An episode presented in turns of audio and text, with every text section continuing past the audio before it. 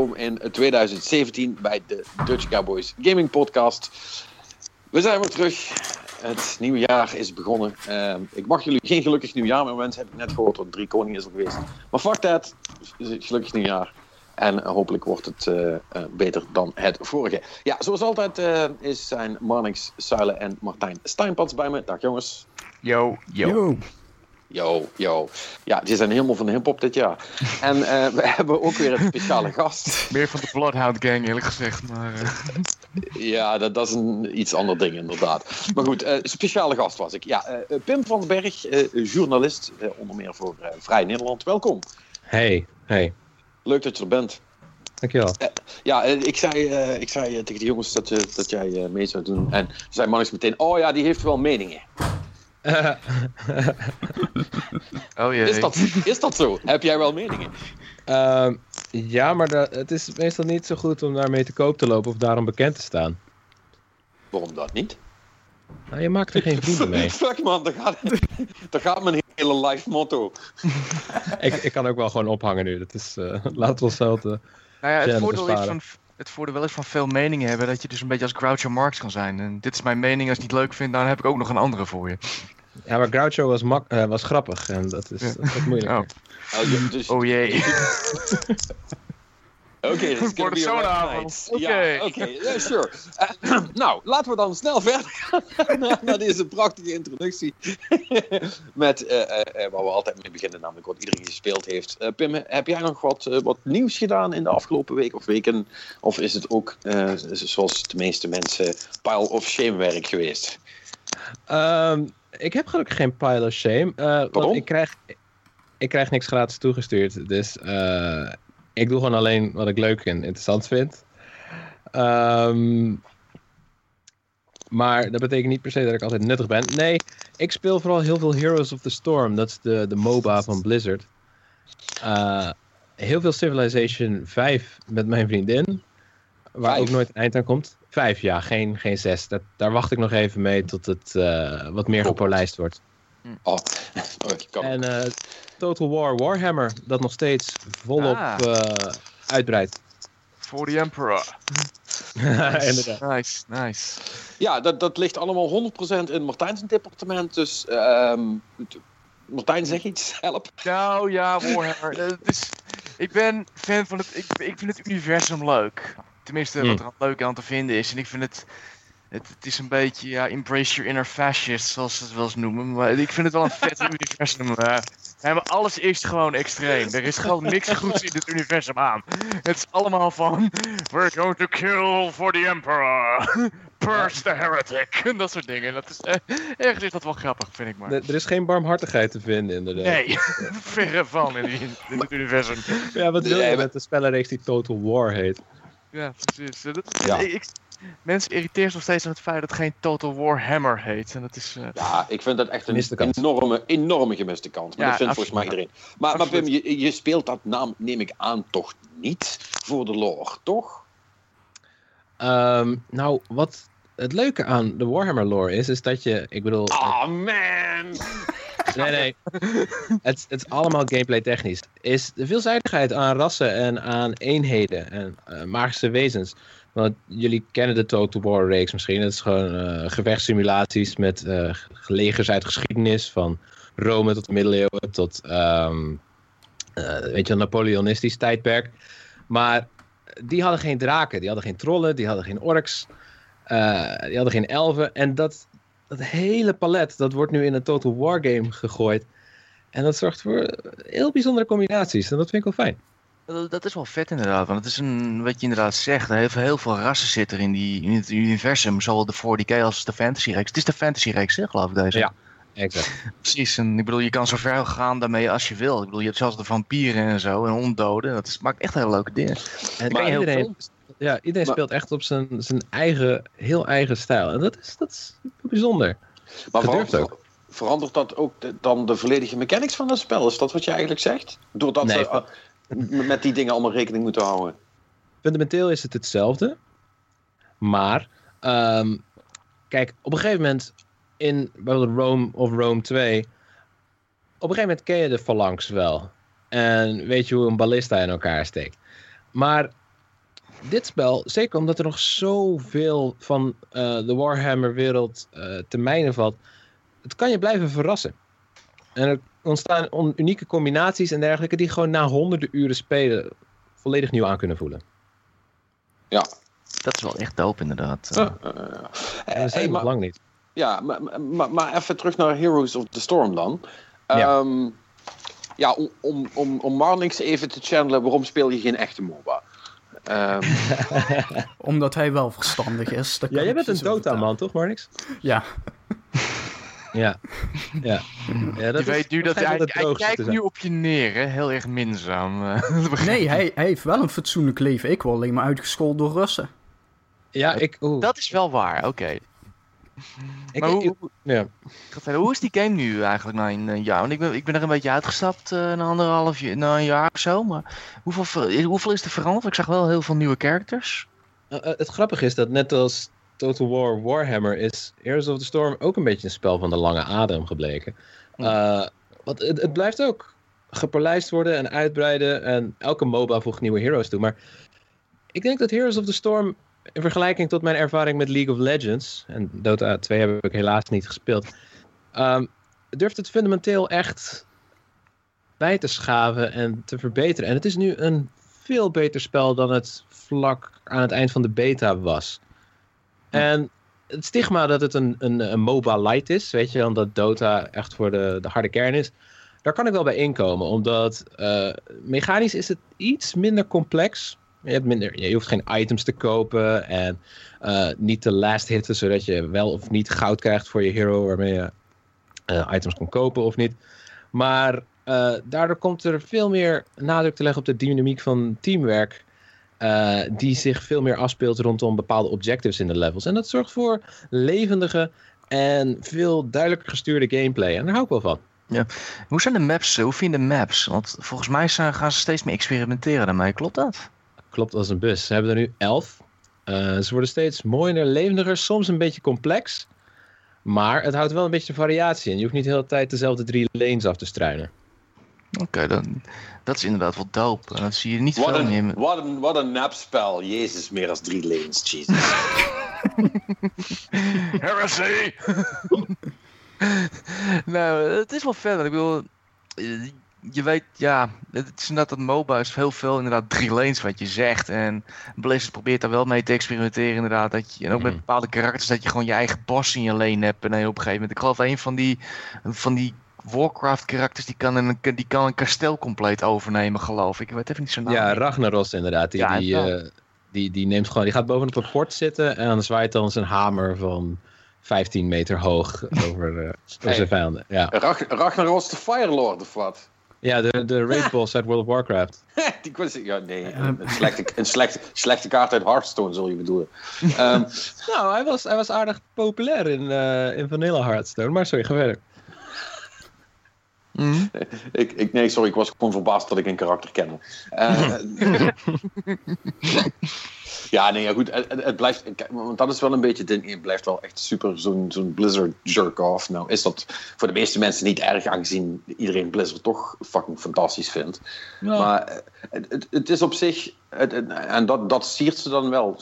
Ze zijn ook wel een beetje de enige die het zich kunnen permitteren om wat anders te doen, omdat ze toch al een, een, een soort van, van ingebouwde populariteit hebben, want Blizzard. Ja. Uh, want League doet het niet en Dota doet het ook niet. En de rest doet het wel, maar dat wordt door niemand gespeeld, want ze zijn niet groot genoeg. Dus ja, dat is dan wel cool. Ik, ik heb ook het gevoel dat, uh, dat Heroes of the Storm flink gepusht moet worden door Blizzard. Uh, ze doen allemaal cross-promoties met Diablo en met Overwatch. Overwatch was natuurlijk wel insloeg als een bom. Uh, En volgens mij heeft Heroes of the Storm alle hulp nodig die het kan gebruiken. Zeker om levensvatbaar te blijven in de competitieve scene. Ja, het is gewoon een Is het dat dan? Dat is het toch niet, of wel? Ik weet niet hoe, hoe ze op dit moment staan in de MOBA, maar het is gewoon überhaupt lastig. Want ja, je hebt natuurlijk Dota, je hebt natuurlijk League of Legends. Mhm. En Smite dan ook nog bij. En dat genre is al overloaded. En eigenlijk, voor, ik krijg een beetje de indruk dat iedereen... Het is nu nog wel leuk, maar ik denk dat het binnen een paar jaar dat toch allemaal weer gaat afzwakken. Omdat ze weer iets nieuws vinden. Die hero shooters zijn nu erg in. Misschien, Mhm. ik weet niet of dat klopt trouwens wat ik nu zeg, maar... eh, Nou ja, het is, alleen, het is alleen maar Overwatch, hè, wat Ja. niet is. ja dat, dat is ook zo. Ja, en Ik ook, weet ook die hebben, hebben al, meteen vakkundig alle, alle lucht uit die ruimte gewoon weggehaald. Ik weet, spelen mensen eigenlijk nog gewoon Team Fortress?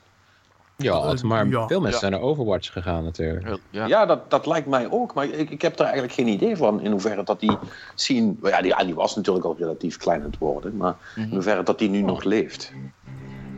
Dat is een goede Ja, vraag. Ik denk dat het ongeveer... Nou, hoe lang is het geleden? Volgens mij... Oh jezus, het is bijna 9,5 jaar terug alweer. Bijna 10 jaar Nou. alweer. Holy shit. ja, ik zit, nou, maar ik zit te denken inderdaad van... Die kwam tegelijkertijd met, die, eh, met de Half-Life Orange Box. Ja, jezus, dat is bijna 10 jaar terug. Ehm, ja, die hebben het heel lang volgehouden, dat weet ik wel. En ik denk, ik denk dat het ook een deels meegespeeld natuurlijk, omdat ze dat via trailers en via de comics in leven hebben gehouden. Door dat is extra promotiemateriaal. Ja. En ze zijn natuurlijk heel veel met eigen modes gaan experimenteren ook. Eh, op een gegeven moment hadden ze die robots tegen robo met z'n allen tegen robots eh, knallen en zo. En Van zombie Nou. mode. Team Ja. Fortress 2 is volgens dit leuke grafiekje van vandaag in ieder geval nog steeds een van de meest gespeelde spellen op Steam. Ik Toch? bedoel, dat, eh, met Oké. zeven- 70.000 op een dag. Als Dat vandaag een willekeurige dag is. Voor een spel van 10 jaar oud Ja, is dat, ik bedoel, is dat niet slecht. nee, ik bedoel, daarboven is- staat dat, eh, dat, dat ARK, die eh, Early Access Ja. Dino game. Ja, en GTA, eigenlijk GTA 5 inderdaad. staat erboven. Ja, en daarna komen nog Dota en Counter-Strike, maar die, Ja. weet je, die, die gaan echt tien keer zoveel spelers nog hebben. hoeveel, hoeveel is Go eigenlijk, uh, Fatness gaat? Eh, Counter-Strike die staat vlak boven Dota nu met eh 635.000 nu op dit Hoe moment. dan? Waarom zijn mensen dat nog steeds aan het spelen? What the fuck, man? Ik heb, ja, het- ik heb geen idee. Ik denk dat er de scene is, eh, de competitive scene is heel groot. Dat weet ik wel. Dat, er gaat echt behoorlijk wat eh, geld in om, inderdaad. En wat ze ook hebben is dat hun watch, de, de, de, laat ik het zeggen, voor de toeschouwer is het heel makkelijk te volgen van hoe die game in elkaar steekt. Daar hebben ze een paar hele goede Ja, dat mechanieken in gezet. En het is, ik heb, ik weet niet, het is gewoon alsof of Counter-Strike nog steeds die naam heeft na al die, na 20 jaar. Ja, Van eh, dat dat eh, dus de online shooter was altijd. Ja, en, en bedoel, en, eh, ik heb het ooit wel, ja, ooit wel eens een, een blauwe maandag gespeeld. En, en ja, in, in de basis werkt het natuurlijk wel. Maar goed, als je niet goed bent in Counter-Strike, is het, in, het is zo'n zo'n super typische, in- intens frustrerende shooter. Hè? Hé, hey, wat, wat ben ik nou precies aan het doen? Paf! Oh, wacht, het Ja. volgende potje. Eh, waar, waar moet ik nou heen? Paf! Wacht tot het volgende potje. Ja, eh, daar moet je van houden. En eh, ik, ik vraag me wel altijd af, want dat is met die cijfers altijd zo verneukeratief. Weet je wel, in hoeverre zijn, is het niet zo dat het gewoon 40% Russen zijn die geen geld hebben om spellen te kopen met geld? Of, of Koreanen of Chinezen of weet ik, ik, ik weet niet waar ze vandaan komen, maar ik, ik ken hier, zal ik maar zeggen, eh, eh, van de mensen waar ik wel mee praat, ken ik één iemand die wel eens Counter-Strike heeft gespeeld vroeger. Hm. Zeg maar. Ja, ik en, speel het ook. ja? Af en toe. Ja, ja, ja. Maar eh, kan je er wat van dan? Oh, nee, nee, nee. Nee, die instapdrempel, die, is- ja, die instapdrempel die is er echt. Het is een beetje een onvergeeflijk spel en je moet die codes uit je hoofd leren voor, eh, voor wapensets en, eh, en welke panzer en welke granaat je nodig hebt. Ehm, maar ja, wat het competitieve aspect betreft, een spel heeft niet echt veel meer nodig eigenlijk. Rondes van drie minuten, vijf tegen vijf, of meer wat je wilt. En eh, ja, gepolijst tot nagenoeg perfectie. Ja, maar dan waarom is dan iedereen niet meer Quake 3 in spelen en wel Counter-Strike? Nou, dat is een goede vraag. Maar laten we wel wezen, Counter-Strike Source is ook nog aardig in leven. En dat is niet veel jonger dan Quake 3 Arena, geloof ik. Een paar jaar?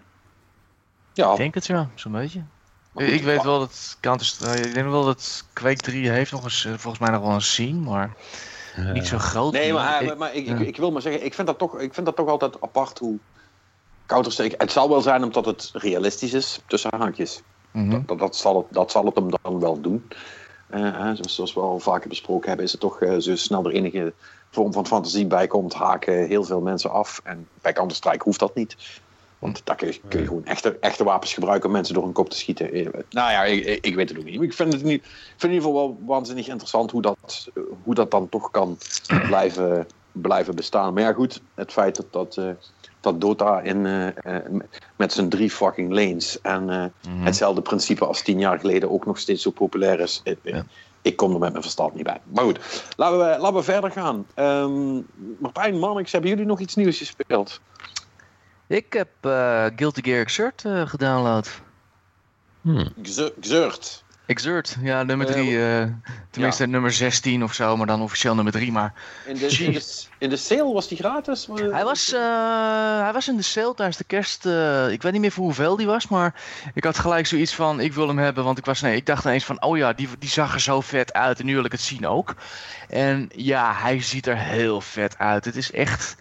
Wat ze gedaan hebben, eh, die jongens, eh, het is Arc Systems, nee, Arc Systems Work heette ze volgens mij. Arc System En- Works, ja. en die jongens hebben dus de Unreal 3 engine gepakt. Of in ieder geval, volgens mij is het 3. En die hebben ze gewoon zo, eh, zo eh, gemaakt dat het lijkt alsof het 2D is, maar in werkelijkheid zijn het 3D graphics. Hmm. Dus ze hebben gewoon een 3, van een 3D gra- graphic hebben ze gewoon een anime van gemaakt. En het ziet er zo vet uit. En je, het- je ziet het bijna niet. Behalve in de, als het slow-mo gaat, dan wil je nog wel zien van... Oh, wacht. Dat is toch een 3D-model waar ik tegen zit te vechten. Maar, gee, het, oh, het ziet er echt heel mooi uit. Ik blijf het eventjes zeggen. ja en, En- en- maar het speelt natuurlijk nog steeds als Guilty Gear. Ja, het speelt als een trein. Ik, het, je, weet je, je had eh, mensen die vragen altijd van... Ja, wanneer komt die eh, Vampire Hunter, die Capcom game weer eens terug? Maar eigenlijk heb je hem al. Het heet gewoon, ja, Darkstalkers. En, maar eigenlijk heb je hem al. Het heet Guilty Gear. Je hebt gewoon allemaal van die achterlijke karakters met vreemde moves en, eh, achter, en ja, nog vreemdere backgrounds en zo. En die knokken tegen elkaar om achterlijke redenen. Maar echt, het ziet er zo vet uit als je überhaupt maar een knop indrukt. En dan ga je echt met de moves verder en dan wordt het nog vetter. En dan krijg je de super moves en dan wordt het nog veel hilarischer. En je hebt ook nog de instant kills en sommige die zijn nog, eh, veel, nog veel hysterischer dan wat. Dus het is echt of je een... Je weet niet wat er op het scherm afspeelt als je Faust tegen... eh, hoe heet die gast? weer, Zeto One hebt, maar het ziet er zo fucking vet uit. En het is Dus echt het is meer Marvel vs. Capcom dan Street Fighter, zeg. ja, en dan met twee karakters in plaats van zes. En dat is wauw. Het speelt Ja. echt als een trein. Het verhaal vind ik niet zo bijzonder. Want ze hebben, ze hebben de story mode hebben ze gezegd tegen, tegen zichzelf van... "Waan, Weet je wat, we, gaan, we gooien het vechten er gewoon uit. We maken er gewoon zo'n Japanese drama eh, audiobook van. En zoek het zelf maar uit.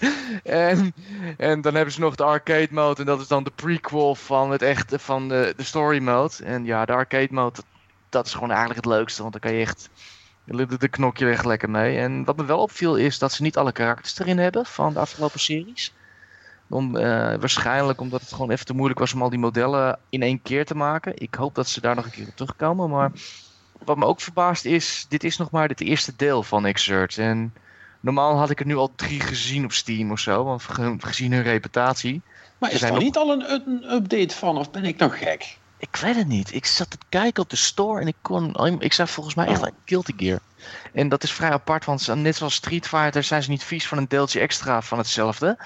En in het geval van Street Fighter gaan ze nog zelfs nog een potje verder. Want volgens mij van Guilty Gear X of X Double X zijn er geloof ik zes delen verschenen. Dat was echt op een gegeven moment te achterlijk voor woorden. Heb Maar- je al online gespeeld? Nog niet, nee, dat eh, durf ik nog niet aan.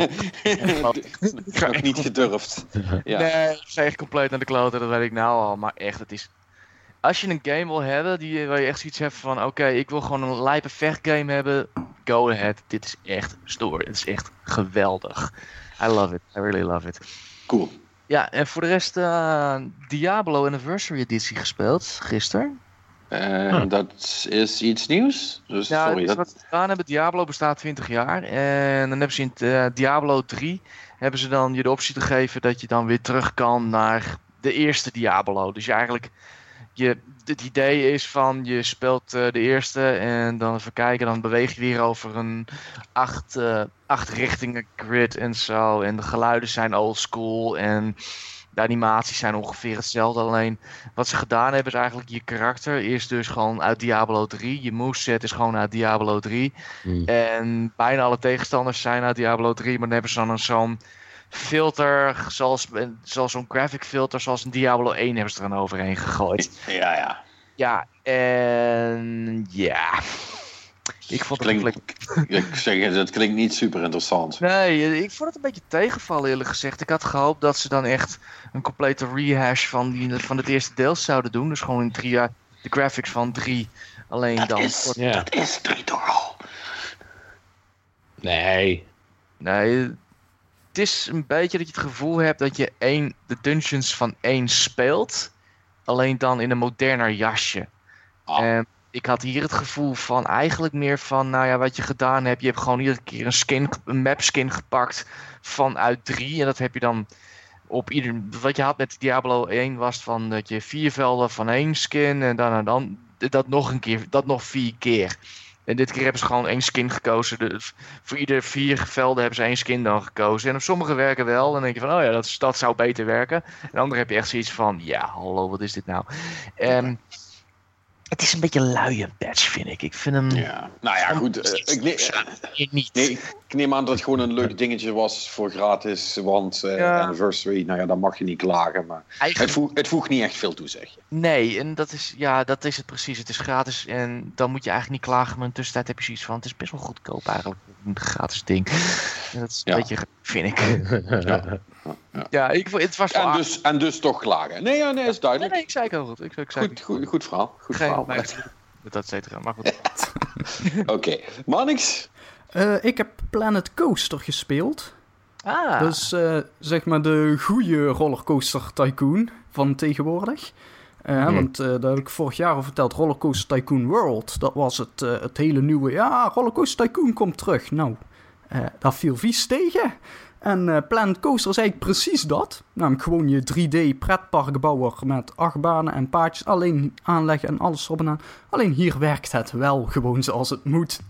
Eh, en dat is eh, gewoon super fijn. er zit een hele coole achtbaanbouwer in. Je hebt echt heel veel opties om hele kleine bochtjes nog te doen. En ook op, nadat je de achtbaan hebt gebouwd, kun je vervolgens nog allerlei stukken nog gaan verslepen en bochten iets scherper maken of nog een bultje erin maken of zo. Dus ehm, wat gewoon echt heel, heel veel opties geeft. Veel meer dan wat rollercoaster vroeger altijd was. Dat was namelijk gewoon, je had drie verschillende bochten en twee rechtdoor stukjes. En die plak je dan aan elkaar en dan kom je aan het einde uit. En hier is dus echt elke achtbaan die je maakt, kan weer helemaal anders worden. En, Ja. Dus nu kun je de hele Efteling nabouwen. Ja, in, in principe wel. Het, eh, echt heel veel opties zitten erin. Het enige wat ik een be- beetje jammer vind nog is... eh, de- goed, het heet Planet Coaster, dus acht banen zal, zullen inderdaad wel eh, het, eh, het, het hoofdvermaak zijn. Dat is ook zo. Er zitten wel wat andere dingetjes in, nog schommelschip en weet ik veel wat allemaal van die zooi. Maar ja, dat, dat is voor erbij, zullen we maar zeggen. En dat... Mm. Ik bedoel, dat, is, dat is op zich wel prima. eh, want eh, die game heeft ook eh, Steam Workshop eh, support. Dus daar komen nog allemaal mods voor. En mensen die zelf nog hun dingen maken. Dus dat zal Dat zal nog wel... goed komen. Dat, dat komt nog allemaal goed. En eh, er zitten ook verder nog wel hele leuke management dingen in. Want eh, je moet nu ook je personeel tevreden houden en zo. En Oh, je kunt jee. je personeel nog gaan opleiden en extra geld gaan geven om ze gelukkig te houden. En allemaal die zooi. eh, wat voor mensen die daarvan houden waarschijnlijk heel leuk zal zijn. Eh, ik eh, vind alleen dan een beetje jammer dat ik die zooi niet gewoon kan uitschakelen. Jij wil gewoon acht banen bouwen. Nou ja, want dan, ik ben achtbaan aan het bouwen en dan krijg ik opeens van... Oh ja, wacht, eh, al je schoonmakers hebben ontslag genomen. Ja. Oh, dan moet ik nu een nieuwe... Weet je wel, want het enige wat je dan dus kunt doen is weer even dat menu openen. En dan plaats je weer gewoon tien nieuwe van die schoonmakers. En ja, ik vergeet dat ik die om de zoveel tijd even over de bol moet aaien. Of wat ze dan ook willen. Dus dan nemen ze weer ontslag over een, aant- over een tijdje. En dan En dan zet je weer nieuwe erin. ja, dat is, weet je wel, zeker op het moment dat Ja, je de sandbox mode speelt met eh, ongelimiteerd geld en dergelijke, is dat een beetje, ja, Ja, het is wel gek ja dat er schakel niet dat gewoon een... gewoon cre- uit of zo. Ja, dat, of, of een, een aparte creative mode waarin je alleen maar kunt bouwen. Dat is wel raar. Ja, dat is, eh, maar ja, goed, Vreemd. het is eh, prima spel verder, heel erg leuk om te doen. Dus eh, Lekker arm. al, als je van eh, goede pretparkbouwers houdt, Ja, ik hoorde inderdaad goede verhalen over, dus dat is eh, goed te horen. Ja, nee, Ja, dit, zit, dit, dit zit voor mij echt in een, in een genre Eurotruck Simulator, hoor. Eh, Achtbanen Ja. bouwen. ja, en je kunt ook eh, een first-person camera en zo Ja. in je achtbaan zitten natuurlijk. Ja. VR? Weet ik niet of hij dat heeft. Dat, eh, zou dat zou wel cool zijn. Ik denk dat je wel een, een eh, papieren zakje naast je moet neerleggen. Ja, de dat, denk ik ook, ja.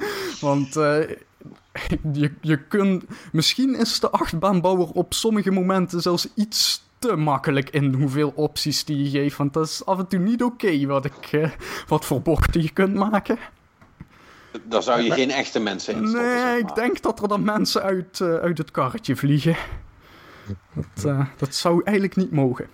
En wat is, dan de, wat is dan de uitdaging aan het spel? Is, is het bouwen van een mooie achtbaan, achtbaan gewoon een beloning aan zich? Of gaat Eh, het echt om het management aspect? Ja, voor, voor de sandbox eh, mode is dat gewoon inderdaad bouw lekker je achtbaan en doe wat je wilt. Eh, wat ik heel erg leuk vind eraan. Maar je hebt daar ook scenario's bij waar, met gewoon een bepaald doel. Hè. Dus je start in een parkje en dan is het eh, verdien weet ik veel wat hoeveel euro. eh, maak zoveel winst of bouw zoveel achtbaan. En dan moet je ondertussen... En dan krijg je dus dat hele aspect nog erbij van... Hè, dan moet je je financiën managen. En dan eh, heeft het, weet je wel, dat hele idee van die werknemers die ontslag kunnen nemen en zo, dat maakt dan opeens wel wat uit. ja, ja. Eh, maar ja, ik, ik vind dat niet de meest interessante modus eruit, want dat is, eh, dat is, dan ben je meer bezig met allerlei tabelletjes aan het bekijken en daar een eurotje meer bij zetten en een eurotje minder dan gewoon acht banen bouwen. Dus, eh, maar ja, eh, dat, dat zit erin. Dat is niet echt voor Ja. mij.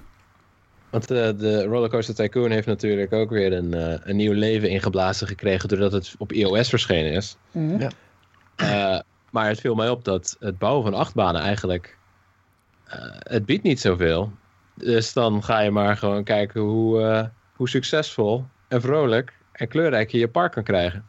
Ja, dat, ik bedoel, die, die, ehm, die mobiele versie, dat is inderdaad Rollercoaster Tycoon 2 of zo was het, denk ik, die ze nu hebben geport. Mhm. Ehm, Wat? ja, weet je, dat, dat, dat is nog de echt oude rollercoaster. En dat is inderdaad wat ik zeg, van, ja, je, ja, je hebt drie verschillende bochtjes en je kunt omhoog en omlaag gaan met je achtbaan. En dat, dat was het wel een beetje. En dat was inderdaad eh, vroeger, en dat is intussen ook alweer bijna 15 jaar geleden. Toen was dat Ja, inderdaad ook veel meer met inderdaad je parkmanagen. En toen vond ik het managen wel nog leuk, omdat hè, 15 jaar geleden was AI en zo nog niet zo heel intelligent. Dus dan wist je gewoon van, oké, als ik nu gewoon om de 10 eh, eh, vakjes nu een prullenbak neerzet, dan wordt mijn park nooit vies en dan is iedereen heel blij. En dan, weet je wel, dan kon je echt gewoon in, in een kwartiertje of zo al naar de maximale score toe gaan. En dan kon je de rest van, van de tijd gewoon achterover leunen en kijken hoe het allemaal gewoon perfect in orde is. Precies. Ehm, ja. Dus ja, de, ik, voor zover ik weet hebben ze die versie echt ook alleen maar gewoon overgezet en niet echt meer dingen toegevoegd. Dus Maar eh, eh, wat je kan herinneren, is Planet Coaster dan moeilijker? eh, qua, qua management delen wel. Ja, als je Ah, echt voor die modus gaat. En, eh, ja, maar ja goed, dat is dan zo'n ding. Is moeilijker per se leuker? Dat weet ik dan weer niet. Nou ja, eh, eh, want je zegt net, je, zegt net eh, je zet het perfect neer en dan kun je achterover leunen. Ja, dan ben je toch beter klaar. Dan hoef je toch niet meer te spelen. Ja, in- zekere zin. Nou ja, weet, weet je wat dat ook weer is? En dan zet je het neer en dan vervolgens kun je je weer gewoon bezighouden met allemaal dingen bouwen. Zonder dat je je zorgen hoeft te maken over mensen die gaan klagen of de voetpaden vies zijn of zo. Dus ja, ja, ja.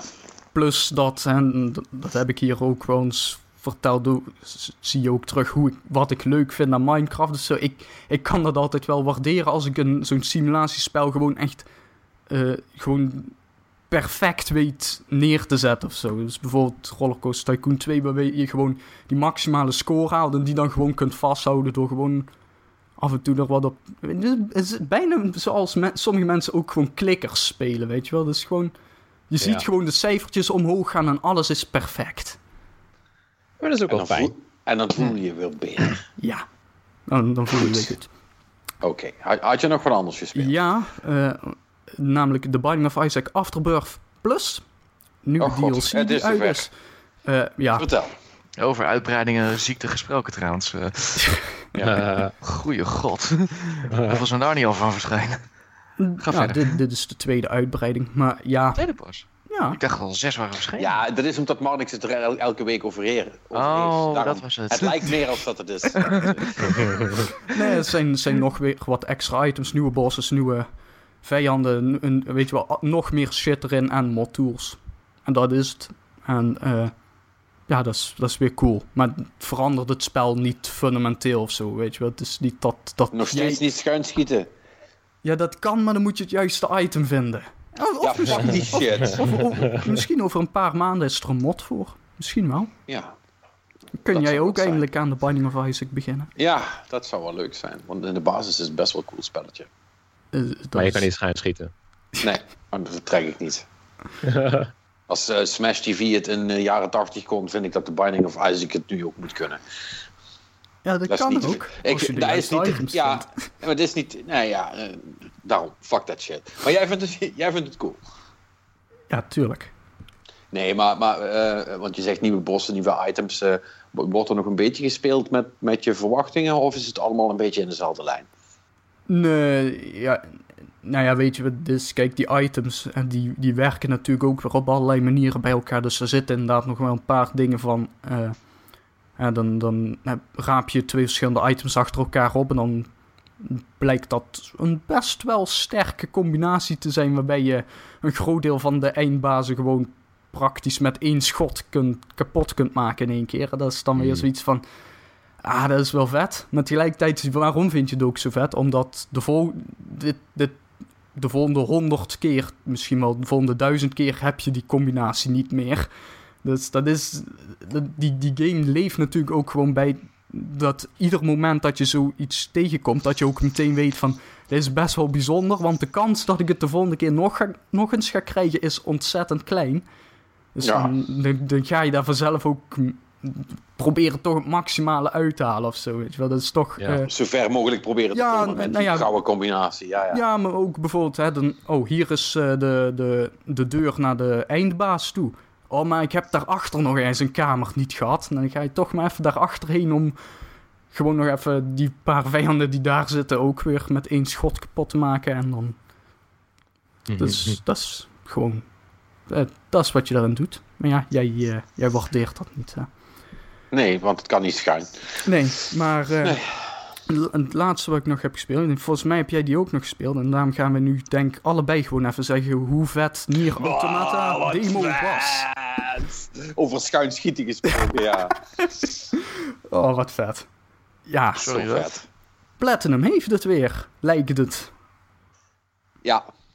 Eh Nier Automata hebben we het Oh, ja, ik, ik heb de demo gezien op YouTube. Oh my god, die ziet er goed uit. Ja? Oh, dat is vet! Oh, Wat? dat wordt een cool spel. Wat ik zo mooi vind is, die gaat echt van third naar second naar top-down eh, view. Dat is echt, wauw, zo vloeiend gaat het. Het is echt, Mhm. ik Ja. zat te verbazen in mijn stoel van, damn, dat ziet er echt mooi gestileerd uit, man.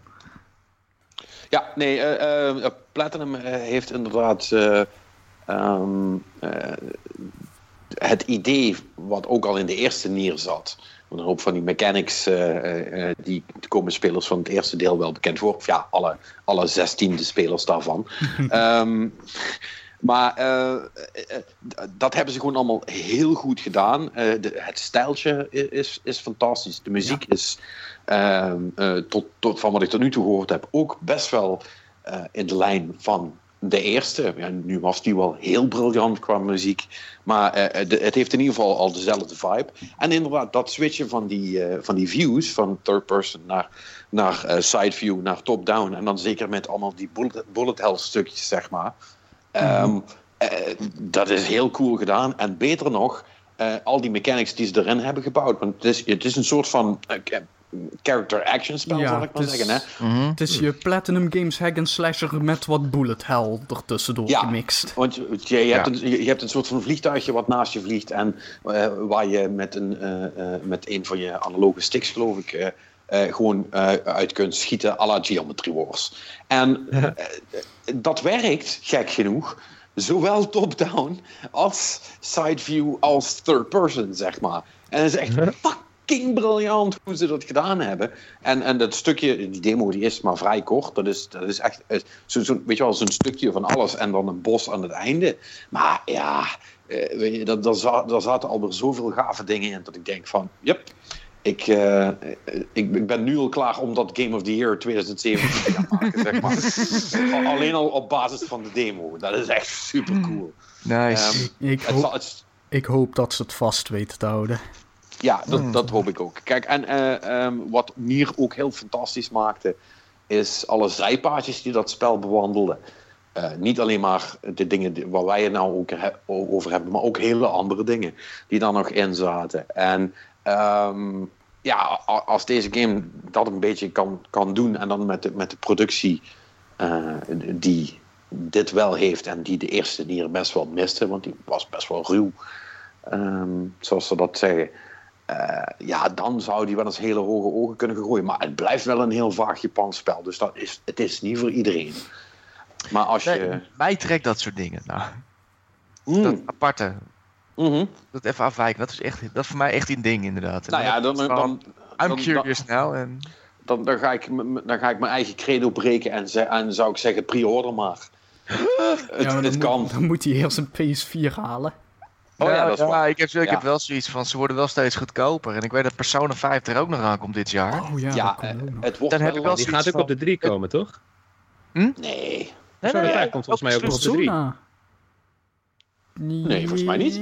Of was dat? Ja, zoek die maar op. Ja, Daar was ja, maar- sprake van, maar ik weet Ja, maar wacht even. Het, het maakt toch ook niet uit. Zelfs al is dat zo, dan wil je dat toch niet. Wie wil dat nou? Ik, hè? Ja, omdat je, omdat je geen PS4 wil kopen, ja. Ik bedoel, ik snap het Ja. wel. Maar, eh, nee, kijk, voor Martijn is het gewoon geen optie. Die, die, die, die moet, fuck, moet fucking Bloodborne nog gaan spelen. Eh, Ja, dat- klopt. Eens. Hè, maar- het is, eh, het, luister, Timepods, het is tijd. Geen gezeur, maar nou, ga gewoon... ja, het wordt tijd. Nu wordt het tijd. En by the way, hij komt inderdaad uit op de PS3 Ja. Persona. Wauw. Mhm. Dat, eh, Wauw. dat, ik vind dat wel netjes, want deze, want deze persoon, eh, die, die RPG-reeks, niet de vechtgames, die heeft gewoon de generatie overgeslagen. Dus ik vind het wel vet dat ze ook nog op 3 uitkomt. Ja, maar... eh, eh, voor- voor- Daar begrijp ik dus niks van. Nee, Drie ik snap het ook niet. Ik vind het wel grappig. Ik vind het wel netjes dat ze het doen, alleen het is natuurlijk veel te laat. Maar... Ik, ik, durf er, ik durf er geld op te zetten dat dat hier niet gaat gebeuren. Misschien in Japan wel, maar niet hier.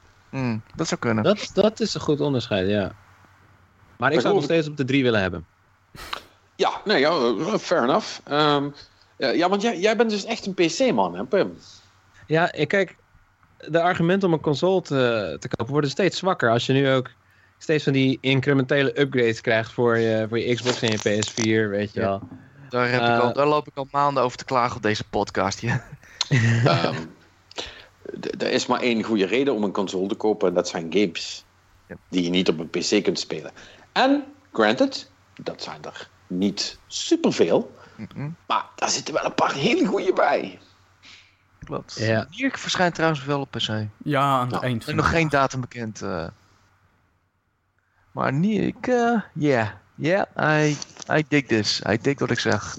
Ja, Het is echt, ja. het is echt zo'n game waar ik echt iets zeg van, yes, dit klinkt, dit klinkt echt leuk. En Persona sowieso, dus eh, PS4 wordt hem al dit jaar. En Ja. dan eh, aan de Bloodborne. Nou, en dan zal ik je nog een goede reden geven namelijk. Want Mhm. ik heb ook nog een hele coole Japanse game zitten spelen. En dat is? Eh, Gravity Rush 2. Oh, oh. Eh, ja, die is inmiddels ook uit, volgens mij. Mm, De 20 volgens mij. toch pas? Echt waar? Volgens Ik dacht mij februari pas. de 20ste. Eh, Even kijken. Of niet? Nee, het is wel de januari inderdaad, ja. Gravity Rush 2. Ja, de... ah, in Europa de 20 18. januari. Oh, de 18e, Ah, sorry. Ha, eh, ehm, wacht, ik, ehm, En Kan nu iemand- mag hij kan- zeggen. kan, kan iemand even een liedje zingen? Ik moet even kijken of ik niet per ongeluk nog onder embargo zit. Ja, Eh, je eh, ga je uitzoeken en dan ga ik intussen een ander Japanse evenement even vertellen. Ik wil graag de gamer van het jaar alvast voorstellen. Hij heet Kenny Omega. En je raadt het al, het is een worstelaar. Oh god. Eh, Oké, jongens, ik heb, de wedstrijd, ik heb de beste wedstrijd misschien zelfs in mijn leven gezien op dit moment. Oh my god. Dus, eh, je moet je voorstellen, eh, Japans worstelen is een graadje hoger dan WWE qua kwaliteit. Ze letten echt heel goed op de detail, details en zo. Alles gaat vloeiend, alles heeft een reden. En hun, hun WrestleMania als het ware is Wrestle Kingdom. En die komt in, gewoon op 4 januari, een doordeweekse dag. En dat is echt het summum van daar moet je echt op je toppen zijn. En als je dan de main event doet, dus echt de laatste wedstrijd, dan moet je nog een graadje of 10 hoger. Want dat, daar wordt echt heel veel van verwacht. En Kenny Omega is een Canadees. En die heeft vorig jaar een prestigieus uh, toernooi gewonnen genaamd de G1. Ik ga de details even spelen. Uh, ja, ik weet het maar, ik hou niet op. in ieder geval, hij is de eerste westerner die ooit zo'n toernooi gewonnen heeft. En hij mocht dus samen nou, met de wereldkampioen uh, tussen haakjes vechten. Kazuchi Akada. En oh mijn god, dat was een match van hier tot Tokio. En wat grappig is, dus de meest aansprekende journalist, uh, Dave Meltzer, die, heeft, die geeft hem al sterren voor een wedstrijd. En vijf is het maximum. Hier heeft hij een zes voor gegeven. En Sweet Jesus, dat was het waard. Echt, het was echt een hele vette match. Als je geïnteresseerd bent in worstelen of waarschijnlijk van mijn gezeik af wil zijn, kijk die wedstrijd. Hij is echt goed. Hij duurt 47 minuten, dat is lang. Eerder al, Patrick? Ja, ja. Uh, hij is lang, maar echt, ik heb nog geen minuut verveld. Goed. Tot zover Martijn Rijkert zijn worstelminuut. Ja, ja uh, precies. Um, uh, ik, ik, zou hier niet over moeten doorvragen, maar het ging over showworstelen, toch? Ja, klopt, ja. En wat wordt er dan verwacht van een worstelaar? Wat, is er dan, wat wordt er dan zoveel verwacht? Hebben ze uithoudingsvermogen nodig of moeten ze gewoon... Nou, wat het is, uh, het, zijn, het is een verschillende facetten worden verwacht. Ten eerste, je conditie moet goed zijn. Ten eerste, je moet je worstel goed zijn. Dat hoeft niet, het laatste hoeft niet altijd. Het belangrijke is dat je persoonlijkheid... Um, je moet je voorstellen, je, als The Rock dus Dwayne Johnson, uh, de, de, acteur, die was vroeger worstelaar. En die kon met zijn wenkbrauw kon die 20.000 men op zijn naam laten roepen. Gewoon ja. alleen maar door zijn wenkbrauw of zijn microfoon te laten zakken. Het is een soort charisma. Het is, uh, iemand heeft ooit gezegd van... I can't, ik kan niemand overtuigen dat worstelen echt is... maar ik kan wel overtuigen dat ik echt ben. En als je dat eenmaal kan doen, dat mensen in jou gaan geloven, dat mensen met jou meelopen naar jouw verhaallijn, echt in jou gaan geloven dat jij de good guy bent, dat jij het verdient, dan krijg je de mensen vanzelf op hun, op een, op, op, van een stoel af. En het, dat is het uh... belangrijkste eigenlijk voor een worstelaar. En daar zijn dat kan je doen door je promo's, maar het kan je ook doen door de storyline in, het, in de ring zelf. Dus uh, even een heel simpel verhaal van... De good guy wordt continu, met, wordt continu dwars gezeten door de bad guy... omdat de bad guy steeds naar zijn knie gaat. Op ieder moment ja. gaat en op een gegeven moment staat hij op... is hij het zat. Motherfucker, I'm gonna beat the living shit out of you. En I used to be a wrestler until yeah. I took a wrestler to the knee. Juist. en het, het, de verhaallijnen zijn soms te idioot voor woorden. Ik ga niet vervelen met wat. Het, het, het varieert van compleet debiel tot compleet episch. En dit was een soort van storyline dat eigenlijk uh, de kampioen Okada, die is gewoon heel goed. Hij is gewoon echt een van de beste. En um, Kenny Omega was de bad guy en die heeft dus inderdaad G1 gewonnen. En dat betekent al van, oh mijn god, hij maakt kans. Hij is iemand. Hij, hij is dit jaar echt doorgebroken in New Japan Pro Wrestling. Um, dat was de verhaallijn van gaat hij, gaat, gaat hij kampioen You had to ask, didn't you? Ja. Sorry man. Maar even... Dus. Soms brengt het echte leven mee. En het, het, het, verhaallijn, zoals ik al zeg, het is of sterkt als het echt een, een vorm van waarheid heeft.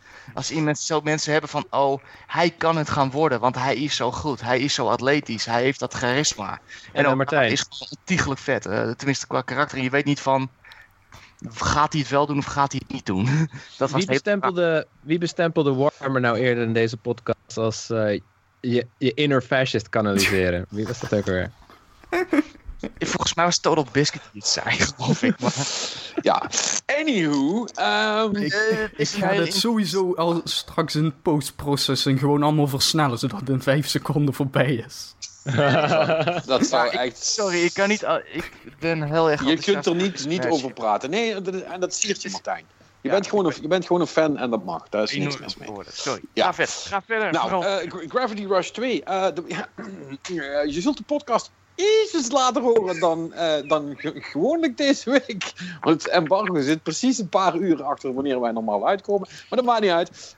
Dus maar ik, ik, ga gewoon wat vertellen. Um, ja, ik heb, het is ook nog niet alsof ik hem heb uitgespeeld. Ik heb, uh, ik heb er nu een paar uur in zitten. Maar dat spel is echt heel erg mooi. Laat ik daarmee beginnen. Het spel is echt fucking prachtig. Maar dat kun je ook zien als je, als je de demo downloadt. Die staat gewoon op PSN. Maar um, het is ook gewoon wel heel erg af. Uh, dit is, uh, je merkt echt dat dit een, uh, een, een serieus dikke productie is, zeg maar, van, van, van Sony uit. En in de basis is het niet heel anders geworden. Voor wie de eerste Gravity Rush niet heeft gespeeld, en dat zijn er denk ik genoeg, want die was, was origineel een Vita-game. Daar hebben ze nog wel een remaster gemaakt op de PS4. Maar die heeft volgens mij ook niet zo heel erg goed gedaan. Mm. je, speelt, je speelt als een, als een meisje, Cat heet die, en die kan uh, omdat ze een of andere uh, speciale poes heeft. Uh, sorry. kat. Sorry. kat, sure. Um, sorry. sorry. Ja, een speciale glimmende zwarte kat. Ja, als ik, ja inderdaad, poes is niet het juiste woord. nee, dan, dan krijgt het allemaal iets te veel lading. en die zorgt ervoor dat, dat Cat de, de zwaartekracht naar haar wil kan buigen. Dat betekent dat ze gewoon kan zweven. En ze kan dan gewoon ergens heen springen. En als dan de zijkant de onderkant wordt, is dat allemaal geen probleem. Uh, en nou ja, dat wordt dan een, een, beetje beteugeld met, met een metertje wat kan op lo leeglopen. En um, ja, er zit ook een gedeelte van het battle systeem aan, want je kunt ook wel gewoon klappen uitdelen, maar zij kan ook eigenlijk vanuit elke positie in de lucht gewoon op iemand afstuiven en dan een soort van uh, flying kick, letterlijke flying kick doen. En ik wat hè? Hem, wat, wat ik, ik had toen een trailer ooit gezien en ik vond hem wel vet uitzien, maar ik vond hem een beetje sloom, een beetje langzaam gaan. Of ligt hem, lag aan mij uh, toen? Nou, dat, dan heb je, is dat de eerste of de tweede wat je hebt gezien? De tweede, maar dat is een trailer, dat is echt zo'n trailer van vorig jaar geweest of zo. Dus ik weet niet of dat echt uh, effect heeft. Maar... Nou, daar merk ik nu met het spelen uh, helemaal niks van. Kijk, okay. het is het heeft zoals altijd een beetje een trage opening natuurlijk. Hè. Je wordt mm -hmm. bekendgemaakt met de mechanics en, en, noem het maar allemaal op. En uh, het verhaal is, zij uh, uh, is bij een soort van mining operation terechtgekomen. En in eerste instantie is ze alles kwijt, heeft ze de krachten ook nog niet. En moet je gewoon nog lopen, die krijg je dan daarna krijg je die terug. En mm -hmm. nu kun je van alles gaan doen. En, maar ze is nog steeds haar partner uit het eerste spel kwijt. En die moet ze dan terug gaan zoeken. Nou ja, goed dat even terzijde, want dat is toch allemaal niet super interessant voor mij. Uh, je weet, het enige wat mij telt is of de mechanics cool zijn. En dat zijn ze. Uh, ik, vind het, ik vind het helemaal niet langzaam als er een berg enemies of bossen zijn. Daar gaat het rap zat. En je moet denken, um, je moet daar wel de hele tijd rekening mee houden. Want door al dat gevlieg heen en weer, wil je nog wel eens rap kwijtraken wat voor en achter nou ook alweer was. Uh, want je schiet echt alle kanten uit natuurlijk, omdat je, mm. uh, om, om, omdat je ge geen gravity hebt. En dat, uh, dat houdt het ook wel spannend. En er zitten een hoop upgrade systemen in. En dat, dat lijkt allemaal heel prima gemaakt te zijn. Maar wat mij dus vooral opvalt is hoe fucking prachtig dat spel is om naar te kijken. Het is, het is gewoon, weet je wel, we zijn nu echt in the age of the, the moving anime gekomen. Dit is gewoon, anima dit is gewoon animatiekwaliteit, weet je wel. Dat is wel uh, tof. Net zoals bij Guilty Gear. Uh, ik, vind ja. het, ik vind het wel lekker. Je hebt niet dat semi-realistische meer. Nee, en, het is, uh, ja. en, en, en, dat is ook zo prachtig gaan, weet je wel. alle, de, alle, er zit heel veel kleur in dat spel. En, en, dan niet al, alleen maar primaire kleuren, want ook, ook die zitten erin. Maar dan wel in, in ja, ik weet dat het stom klinkt, maar dan coole tinten of zo. Ik, het, het, is toch dat verschil tussen een Japans spel wat dan met kleur speelt en en, uh, en, en, voornamelijk westerse of zeg maar Amerikaanse spellen. Uh, die, die, ja, die denken toch echt dat alles in, in RGB moet, zeg maar, in, in de primaire kleuren. En Japanse spellen, dat is allemaal net iets gelaagder en, en wat, wat interessantere kleurtjes, zeg maar. En mm. ja, nogmaals, ik weet hoe stom dat klinkt, maar het is gewoon waar. Die shit ziet er gewoon beter uit. En uh, ja, ik ben er tot nu toe heel enthousiast over. Maar goed, ik heb hem nog niet uitgespeeld. Dus voor hetzelfde geld denk ik uh, over een uur of vijf, zes... Uh, ja, nou heb ik het wel gezien. Of wordt het niet spannender? Dat weet ik nog niet. Mm -hmm. Maar mijn eerst, eerste indruk is echt... Uh, dat dit een heel cool spel wordt.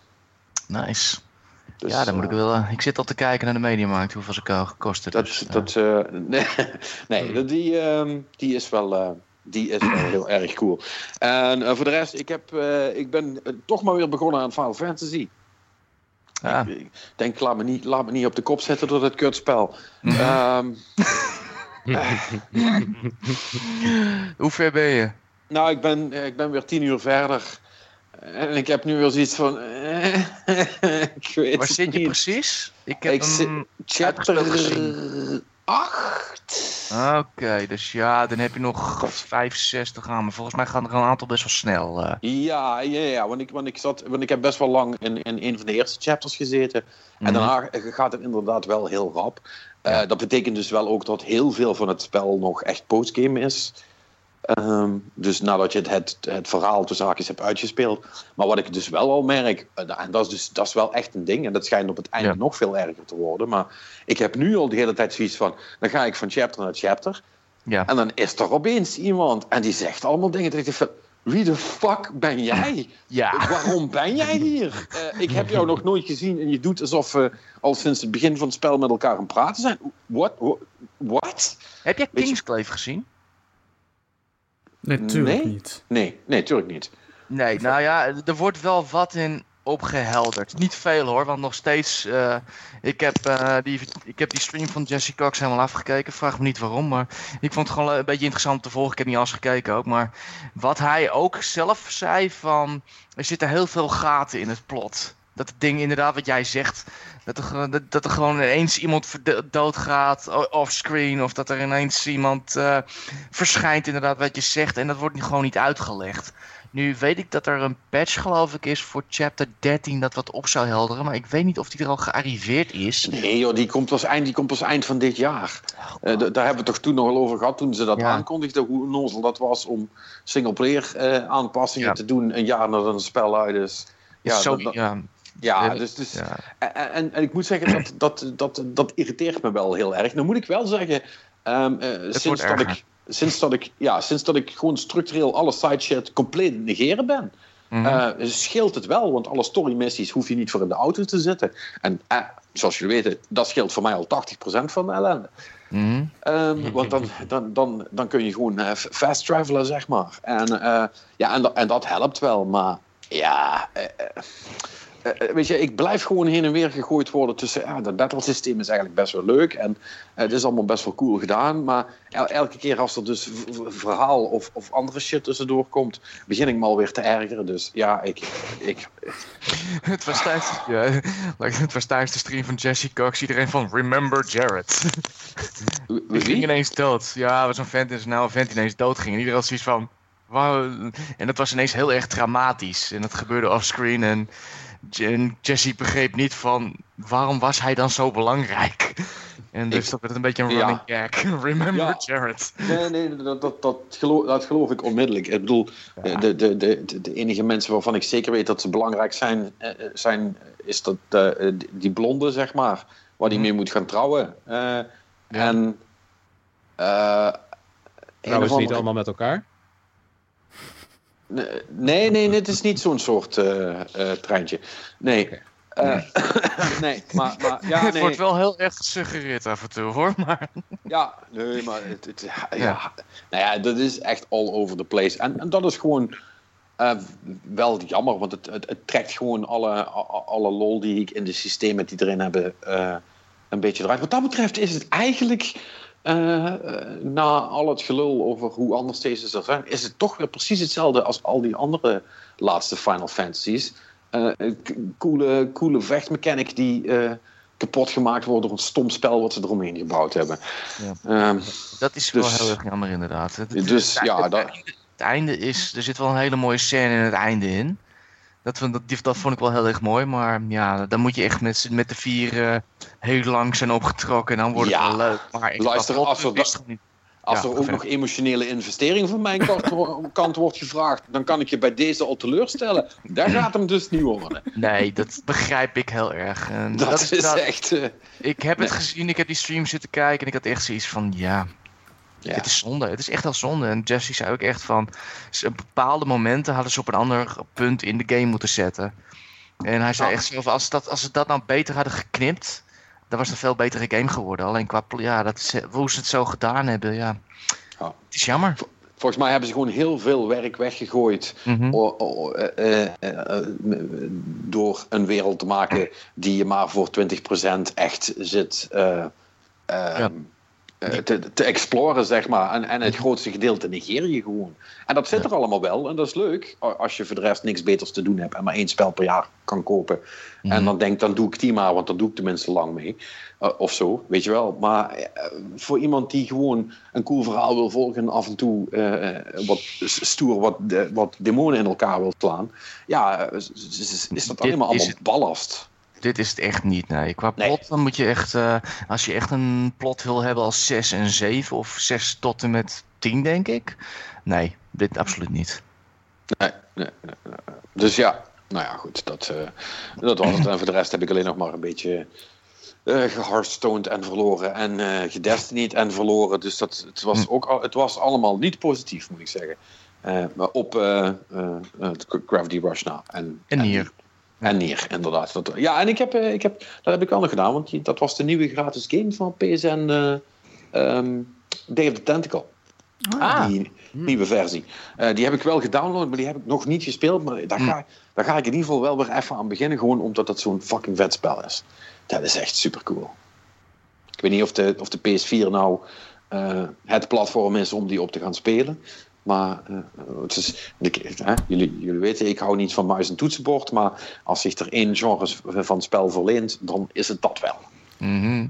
Dus dat is wel. eh, Ja, ik ben wel benieuwd eh, of hij zich nog steeds houdt ten opzichte van ja, moderne tijd natuurlijk. Maar wat zal Ja, ze hebben hem helemaal, ze hebben hem helemaal ge- geremasterd, hè? Oké, ja. Ja. Dus dat is wel cool. Hij ziet er in ieder geval nieuw uit. Kijk, en, en ja, die, die, die, die, die gameplay blijft wat hij is. En die puzzels, eh, die, die zullen soms toch nog wel af en toe vaag zijn. Maar weet je, dat spel is gewoon grappig. Dus dat Mhm. maakt niet uit. Dat, dat blijft wel overeind. Het Jij is een van de beste inderdaad. Ja. Ja, jij had je nog niet hè? gespeeld, Marnix, toch? Nee, nee, ik heb hem wel je- ook al gedownload, maar... eh, Ja, dat moet je wel doen. Ik ben wel benieuwd eh, of, eh, hoe, dat, hoe dat voor jou dan is om dat voor het eerst te spelen. Eh, want ik, ik, eh, ik, weet nu, ik weet nu al dat ik het grappig vind, maar dat eh, is, is op, op zich wel, ja, maar is op zich wel leuk om te kijken. Want dan heb je pas echt een idee of die grappen overeind zijn gebleven, zeg maar. Dat is wel, eh, is wel interessant. En Pim, heb, heb, jij, die, heb jij die shit ooit, allemaal gespeeld? Ja, ik ben er ook mee opgegroeid. Eh, Police Quest, Space Quest, King's Quest, Leisure Suit Larry. Yes, dat waren mijn eerste games ooit. King's Quest is de eerste. Dat was Ja, de point vet. and click is mij, eh, is mij ook niet ontgaan. En vroeger vond ik het heel grappig en ik denk ook dat ik er veel Engels aan, eh, van heb geleerd. Business Cards was mijn eerste Engelse woord ooit, langs de Leisure Suit Larry. en, bij mij, en bij mij was het zelfs nog niet eens meer point and click. Bij mij was het eh, keyboard en type down. En, Ja, ja, ook, inderdaad. Oh. Dan moest je Dat condooms kopen en eh, je Yep. rits dicht doen en zo. Ja. Geweldig. Geweldige games waren dat. Ja, die, die, die, die, serie, die serie heb ik dus nooit gespeeld. Was, die, was dat echt leuk of was dat alleen maar cool omdat je 12 was? Eh, nou, we waren nog geen twaalf en het was, eh, het was heel leuk omdat het heel vunzig en fout was. Volgens mij was ik wel 12 of 14 of zo was ik toen. Wauw. Ja, bij mij wel. Maar dat, dat- dat- wij hadden nog dat oude van dat je, dat je vijf van die vragen kreeg. En dan moest jij beantwoorden om te bewijzen dat jij inderdaad zo oud was. En er Ja, was er klopt. eentje bij van, what is Watergate? Well, the flush of water. nee, dat was fout. ik kan me nog wel herinneren, maar inderdaad, het is, ik weet niet meer.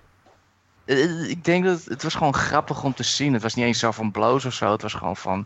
De humor was wat droog en heel erg flauw en zo. En Het was net, net, net een beetje stout, inderdaad. het was een Ja. beetje, dat maar ook niet zo. Het was heel erg, Ja. ja. ik bedoel, het was echt nog niet eens 8-bit pixels waren volgens mij. Dus het was niet veel om Ja. te zien ook.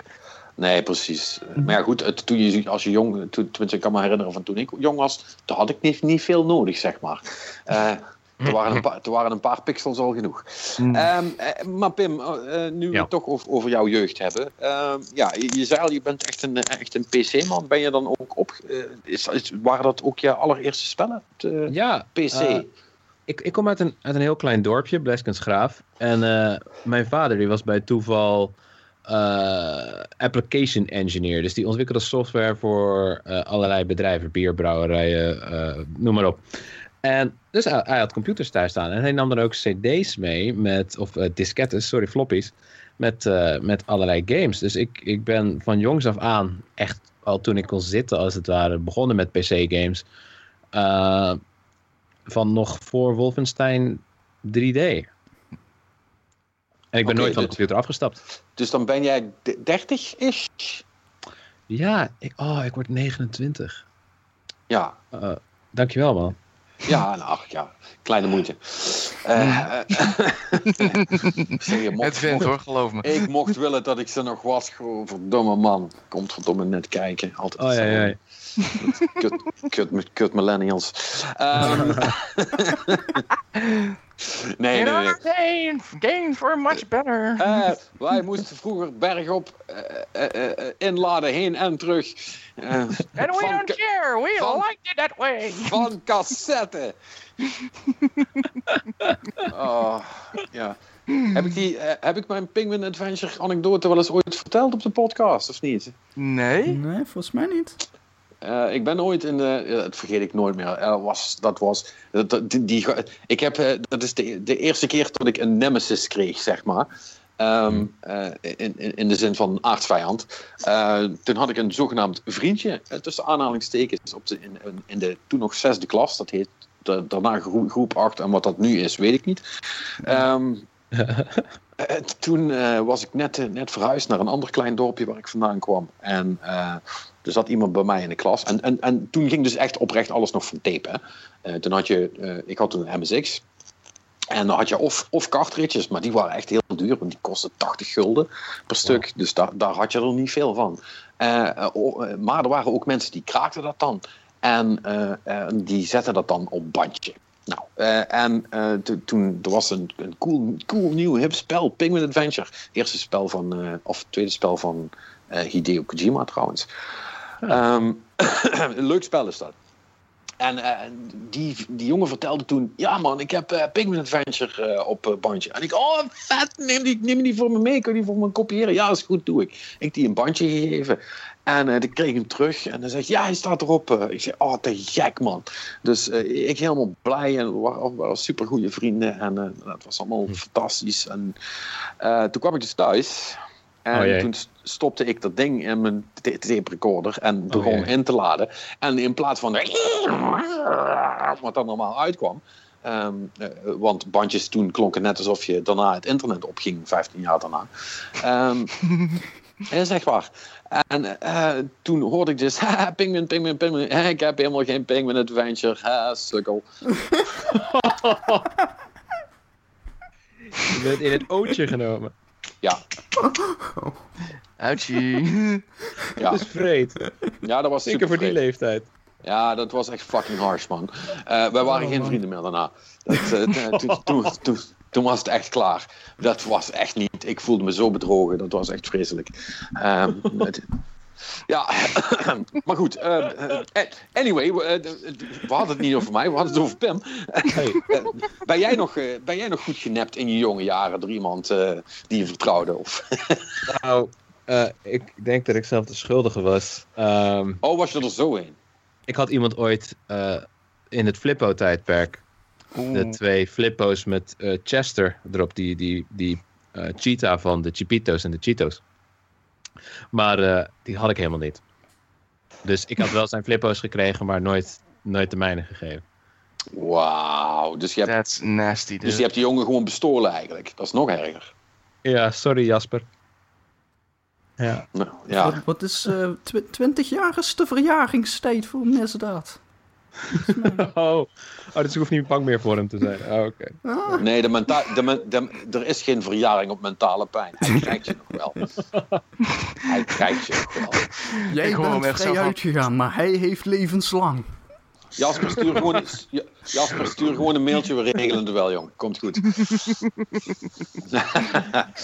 nee, maar want je had het net over al die, die, die, die King's Quest en dat soort dingen allemaal. Is dat dan ook een beetje het genre waar je, waar je mee begonnen bent? Of waren het simpelere spelletjes? Of wat, wat, eh, Ehm, ik heb natuurlijk die, die point-and-clicks veel gespeeld, maar het meest ben ik blijven hangen, denk ik, bij de shooters destijds. Vooral Doom. Eh, wat wij ontdekten is dat je dat kon spelen op een seriële kabel tussen twee computers. En dan Ja. kon je dus Doom Guy van buitenaf zien. In derde persoon. En dat is, Hmm. hij had een helm op en hij had een groen shirt aan. En dat was echt magisch. Dat je gewoon met z'n tweeën in dezelfde speelwereld zat. Dat is best wel cool. Want ja, oké, we hadden geen console. Dus alles wat wij deden was praktisch single player. En je had Ja. SimCity, point-and-clicks, eh, noem maar op. Dus dit, dit, is, dit is echt magisch. Maar- ben je dan daarna ook, eh, ook echt naar landparties en zo gegaan? Of dat, dat dan maar niet? Nee, dat heb ik nooit gedaan. Ik heb game eigenlijk altijd een beetje als een, eh, een privé-aangelegenheid beschouwd. Die je wel met vrienden doet, maar eh, ik, ik, ik heb nooit mijn computer naar een evenement gesleept. Ja, het is wel gedoe. Maar ja, Ja, de, mensen, ja. de, mensen, de mensen die het gedaan hebben, zeggen altijd dat het een magische tijd was. En er was niks zo cool als dat. Dus, met een paar vrienden een weekend ergens, eh, ergens, ergens zitten en dan samen spelen. En, ja. ja, goed, als, Ja, console, als consolespeler krijg je dat niet mee. Maar eh, ja. Nee, dat heb, ik, dat heb ik nog wel een beetje gedaan. En dan speelden we gewoon eh, Unreal Tournament en ehm, real-time strategies en zo. Ja. Ja, en, en ehm, ja, je, we hoorden het eigenlijk al een beetje aan je PS3-verhaal. Je hebt dus geen nie- nieuwe console. Nee, ik ben ook. eh, ik, ik, ik, ik speel ook bijna geen games wanneer ze uitkomen. Tenzij ze heel gratis of eh, heel interessant zijn.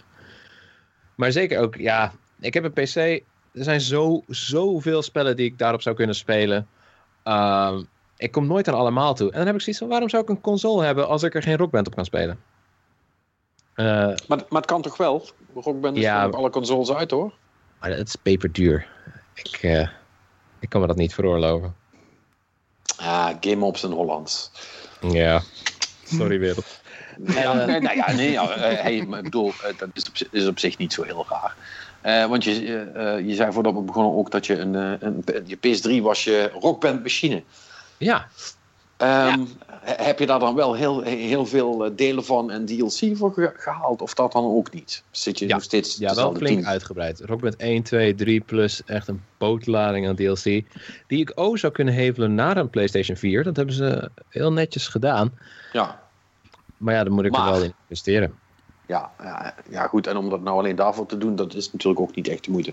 Maar heb je, ehm, zijn dan, eh, want ik, dat dat vind ik dan altijd wel interessant. Eh, ehm, even los van het financiële aspect. Vind je het dan toch niet jammer dat je dingen zoals Uncharted en eh, Last Guardian en nou ja, noem ze maar op, eh, dat je dat soort spellen niet kunt spelen? Nou, over het algemeen, en dan wil ik natuurlijk niemand in het harnas jagen. Ik, ik heb Uncharted 2 Among Thieves gespeeld met heel veel plezier. Maar ik, ik kijk stiekem playthroughs van veel nieuwe games. Uh, en het slaat eigenlijk als een, eh, een tang op een varken vaak. Die Uncharted spellen en de Tomb Raiders. Uh, heel erg opgeblazen, heel mannelijk. Uh, met, laten we zeggen, gelikte gameplay die, die niet zozeer uitdagend is, als wel gewoon je door het spel moet loodsen. Weet je, quicktime events, veel checkpoints. En dat hoeft van mij niet zo, zo erg. Ik bedoel, het is meeslepend, maar het zegt ook niet zoveel. Weet je, dat is veel uh, hoempapa. Ve- veel hoempapa. Ja, dat is waar, maar goed. eh, voor, voor, voor elke daarvan heb je dan ook een. eh, eh, nou ja, nou, ga ik, ik wou zeggen, je kunt natuurlijk over Dark Souls hebben, maar eh, Mhm. die kun je inmiddels ook al op de PC spelen, dus dat maakt dan ook niet zo Ja, maar het, is- het is wel een goed argument. Dark Souls is ook, denk ik, mijn eh, grootste gemis. Want mijn goede vriend eh, Rick Otte van IGN Benelux, die heeft het na bij zijn hart en noemt het het beste spel aller tijden, Dark Souls. Oh, die, moeten we die ook een keer in de podcast gaan halen. Dat is, Ja, nodig Kom hem uit, maar langs, kom ja, langs. ja, bij- Rick, bij deze, je bent uitgenodigd, jong. Hij is ook eh, volgens mij de Japan-specialist momenteel van, eh, Ja. van Benelux. Maar ehm, Dan moet je niet Ik- de Dark Souls de eerste op de PC-versie hebben. Want ik weet niet of die nog... Jawel. Hebben ze die Jawel? Ja. Nee, ik, maar ik, die... heb, ik heb Dark Souls 1 ook geprobeerd hoor. Maar ik, ik, ik, op de PlayStation was dat. Oké. En ik, ik, ik vond het vooral. Ehm, Dark Souls leek mij aanvankelijk een, eh, een beetje een stom spel. Wat simpelweg hele moeilijke vijanden presenteert. Die je kan ontleden. Weet je, als je eenmaal doorhebt hoe ze aanvallen. Dan kan je. En je, Hm. je weet welke knop ontwijken of rollen is. En wat het beste werkt. Dan heb je ze. Het is gewoon een soort van. Je moet patroontjes leren. En elke keer als je fout maakt. Dan krijg je het stok. op je vingers een tik, weet je wel. Het is een ritme game, eigenlijk. Eigenlijk wel, inderdaad. En dat, dat vergt geen creatieve uitdaging, maar een mechanische uitdaging. En dat, uh, dat is denk ik mijn grootste bezwaar tegen, tegen Dark Souls. Je wil creatieve uitdaging. Ja. En... Meer, meer uh, creatief denkwerk, inderdaad. Ja, en dat haal je dan uit van die dingen zoals uh, Total War en... Uh, ja, daar, daar moet je strategischer nadenken. Ook over het verloop van het hele spel. En niet alleen van obstakel naar obstakel. En dit is enigszins een beperkte visie hoor. En ik weet dat ik nog veel meer geprikkeld zou kunnen worden door Dark Souls en Bloodborne. Maar ja, inderdaad. Ja, het, is, het, is, het is geen game waar je veel kan freewheelen inderdaad met Dark Souls. Dat is wel zo. Uh, Als je dat bedoelt tenminste. Ja, of je moet niet, echt... Niet, ja, dat, je, kunt er enorm in freewheelen, maar je moet wel eerst, je moet, je moet wel eerst een paar keer een paar tikken met de stok hebben gehad, inderdaad. Mm -hmm. Je moet wel uh, je, je, van, je, uh, van je eigen slechte gewoontes afgeholpen worden. En mm. um, de, de, de, de, de, de genialiteit waarmee je het spel dat doet en je dan daarna vrijlaat om het, om het in te vullen hoe dat je het zelf allemaal zou kunnen doen, als, mocht je mhm. dat zo willen. Ja, dat is, dat is wel een van de dingen die het, die het zo fantastisch maakt. Los van de, de, de, gewoon het oerinstinct van holy shit, wat is dit moeilijk. Oh my god, dit ga ik nooit halen. En dat je het op een gegeven moment toch haalt. En dan denk ik, oh, oh wat ben ik toch een fucking held. Ja. Uh, ik bedoel, dat, eh, dat is net zoiets als potje, potje Counter-Strike winnen, zeg maar. Um, ja, dat maakt toch iets in je los. Ik vind het ook mooi dat, uh, dat de wereld van Dark Souls is net zo onvergeeflijk als het spel zelf.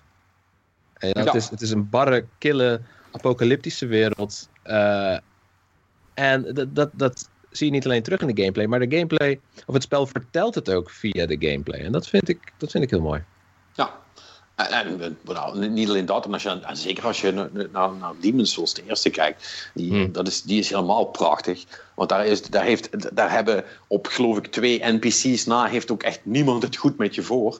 Zelfs de mensen die je niet meteen aanvallen, die steek je op de een of andere manier op een later tijdstip nog in de rug als ze het kunnen. Ja. Dus ja, ja dat is echt super vet. Maar ja, maar goed, uh, uh, dat, is, dat is natuurlijk, natuurlijk niet voor iedereen. Maar um, je, ja, je schrijft dan voor, voor Vrij Nederland over games. Mm um, is, is dat dan. Um, uh, ik, ik, heb even een paar stukjes gezien. Het mhm. zijn ook, ook, het zijn ook niet zozeer nieuwsberichten wat, je, wat jij doet. Of in ieder geval, als, het, als ze dat al zijn, is het toch met een iets andere insteek dan wat je normaal zou zien. Ja, het is een uitdaging. Vrij Nederland is natuurlijk een, uh, een opinietijdschrift met ja. een opiniewebsite. Dus uh, hoewel de, de inhoud moet wel relevant zijn en het liefst ook toegankelijk voor een breder publiek, hoeft het niet actueel te zijn. En, en moet het voorzien zijn natuurlijk van een, uh, een persoonlijke invalshoek. Ja. Van een subjectieve mening. En dat leent, spellen die zich daar het best voor lenen, zeker met een breed publiek, zijn uh, spellen die niet een al te gewelddadige of mannelijke thematiek hebben. Uh, spellen die dus ook niet al te complex zijn in hun gameplay. Zoiets als Total War Warhammer bijvoorbeeld ga je daar nooit terugzien. Nee. Maar Overwatch kan bijvoorbeeld weer wel. Um, mm. Want dat, dat is veel aantrekkelijker, veel kleurrijker en veel simpeler. Je, je bent een hero, je schiet op een ander, ronde voorbij, door gordijn, weet je wel. Um, en ja, het liefst ook spellen die iets meer proberen te zeggen dan alleen uh, hele zoete, zoete gameplay. Want hoewel ik zelf heel erg fan ben van games die niet veel meer willen dan zoete, zoete gameplay, uh, moet, het, moet het wel een beetje, een beetje goed samenhangen en iets, iets willen losmaken bij de speler. Het moet een beetje vervreemden, een beetje aanzetten tot, uh, tot denken. Hm. Ja, maar hoe doe je dat dan zonder de hele tijd bij indie games uit te komen die niemand kent? Nou, uh, dat is het mooie. Indie games die niemand kent, uh, verdienen juist uh, meer aandacht. Beter uitgelicht te worden. Dus dat, dat is al een reden om ergens over te schrijven. Als iets heel moois is, maar een beetje in de vergetelheid raakt, dan is dat een uitgelezen kans. En verder, er zijn ook heel veel mooie mainstream games. Zoals zoiets als Dark Souls, wat we net bespraken. Dark Souls is een enorme hit uiteindelijk. Het is heel, het is heel diep gevestigd in onze kanon. Zelfs al was het zelf niet zo'n kassucces. Volgens mij was dat het wel hoor, maar Mm, in ieder geval. De- eh, medium, medium, medium succes was het uiteindelijk. Ja. Het heeft, heel, het heeft, het heeft voor, voor, eh, voor wat het was, heeft het heel goed verkocht. Maar het komt niet in de buurt van een FIFA of een Call of Duty natuurlijk. nee. Nee, en hoewel ik best wel graag weer gewoon zou willen reviewen, weet je, elke dag eh, of elke week een nieuwe game, eh, ben ik ook heel erg blij dat ik me niet hoef te bekommeren om Red Dead Redemption 2 of dat soort dingen. Eh, in welke zin? Dat je het op je eigen tempo kunt spelen? Of dat je het Nou ja. moet bijhouden? Of waar, waar zit hem dat dan in? Het zijn eigenlijk, eh, vooral Grand Theft Auto 5 bijvoorbeeld, als we dan even een, eh, een voorbode mogen noemen. Was, ik vond Grand Theft Auto 5 eigenlijk een heel erg stom spel. Anders ik wel. Maar ehm, Maar Ja, maar het- wat maakte dit een stom spel voor jou? eh? Nou, fantastische speelwereld. Echt hoe technisch Grand Theft Auto 5 in elkaar... Het echt fantastische ambitie. En, Rockstar doet dat sowieso al, weet je, sinds Grand Theft Auto 3. Maakt geweldige speelwerelden heel... Niet zozeer geloofwaardig, maar heel leuk en levendig. Alleen, dat wordt dan ondermijnd door... eh, om drie personages die je alle drie moet besturen. En die alle drie echt niks om het lijf hebben. Behalve gewoon eh, moeite met het feit dat de wereld nou eenmaal bevolkt is door mensen die anders denken dan mannen van 40 met een midlife crisis. Ze Daar moet je dan allemaal mee identificeren. de hele zijn wereld is egoïstisch, dat klopt. gewelddadig en egoïstisch, maar eh, heel nihilistisch. Alleen maar, ja, eh, vroeger Ja. was het beter en eh, Ja. mensen zijn nu allemaal te veel met de Facebook bezig. Het het is wel echt het, typische Hauser eh, Brothers eh, verhaal kenmerk, ja. Dat, dat, doen die al jaren. Ja, the world is fucked and so am I. En, Het komt eh, toch veel meer inderdaad. Ja, ik, ik snap waar je vandaan komt in dat geval. Ja, het- is, het is afgezaagd, het is, Mhm. het is ontzettend vrouwenonvriendelijk en bijtijds racistisch. En dan, Mm. ja, dan kan je een fantastische speelwereld hebben die, die echt leuk is om te verkennen en om mensen in omver te duwen. Maar niks lijkt. Ik bedoel, bij Red Dead eh, Redemption 2, die promotiemateriaal, zie je ook gewoon alweer zes van die gasten staan, weet je wel, of er zeven. En je weet al donders goed dat, dat, dat er gewoon allemaal stoere mannen op elkaar gaan schieten en een beetje, weet je wel, eh Mad Men of Breaking Bad-achtige dingen gaan doen, maar dan met hoeden en revolvers. Ja, op dat punt doen ze wat ze zelf willen. Ik bedoel, eh, het is, zij Ja, trekken ze- zich niet zoveel aan. Ze weten dat ze toch wel Ja. verkopen. Hoe dan ook. Ze zouden nog wel gek zijn. Ieder, het is Mm. verdomme precies wat iedereen wil. Hm? Ja. ja. Blijkbaar. Maar ja, dat betekent dus ook dat het niks nieuws gaat vertellen. Nou, maar het mooiste is eigenlijk van, je hoeft het niet... Het is één game op zich. Ik bedoel, er zijn er dan meerdere titels die dat anders kunnen doen. Op dat Ja. punt. Dat, dat is het mooie juist van een industrie als dit. Van, je hebt die grote titels. En ja, je hebt die bombastische dingen. Je hebt de, de cynische nihilistische van Rockstar. Maar god, je hebt natuurlijk ook Ja. al Platinum Games met Gravity Rush en al die andere. en Nier bijvoorbeeld. Mhm. Ja, maar weet je wat het is? En het is, het is natuurlijk ook heel... eh, eh, het- want het is net zo flauw om op dat soort spellen... eh, en Call of Duty en FIFA, noem het zo maar, maar op... om daarop te gaan kakken. Eh, dat is hetzelfde als dat je zegt... "Doe, joh, ik snap niet dat Transformers eh, nog steeds zoveel miljoen mensen in de, in de bioscoop krijgen. Ja, er zijn heel veel mensen die vinden dat blijkbaar vet. Ja, dat Ik kan snap wel, het niet, maar... Dan kan ik wel vinden dat al die mensen een nekskot verdienen. That doesn't make me right, weet je wel. Eh, Nee. dus ja, ik bedoel, dingen zijn populair om, om, om, om, omdat ze populair zijn of zo. Soms denk ik ook dat, dat zo'n verhaal zi- zichzelf op een gegeven moment bouwt. En dat is zeker in het geval van GTA. Kan ik me niet anders voorstellen dan dat dat het is. Want het is, eh, eh, het is, voor mij toch godsonmogelijk dat er, eh, dat er voor al die mensen die alleen maar GTA 5 spelen, of GTA Online inmiddels, Mhm. dat er geen ander spel zou zijn wat hun misschien nog meer zou aanspreken. Maar dat ze daar gewoon niks, niks van meekrijgen. Want Mhm. ja, want Nou, ik denk dat met GTA is het vooral, hè, het wordt gekocht om de naam GTA en vervolgens het doet Mhm. niet teleurstellen. En dat, dat is gewoon het minimum wat ze moeten doen. Zolang hij niet teleurstelt, zijn ze weer binnen voor de volgende. Ja, het is bedoel, natuurlijk En dat heeft hij zeker ja. niet gedaan. Ik bedoel, GTA Online, dat gaat als een trein eh, nog steeds. Zoals je al Dat is een zei. eh, melkkoe. Ja. ik bedoel, Maar is meer... dat mooi, hè? GTA Online is, is al het, het fijne van die, van die wereld en de mogelijkheden, maar zonder het gezever van het verhaal. Ja. Mm.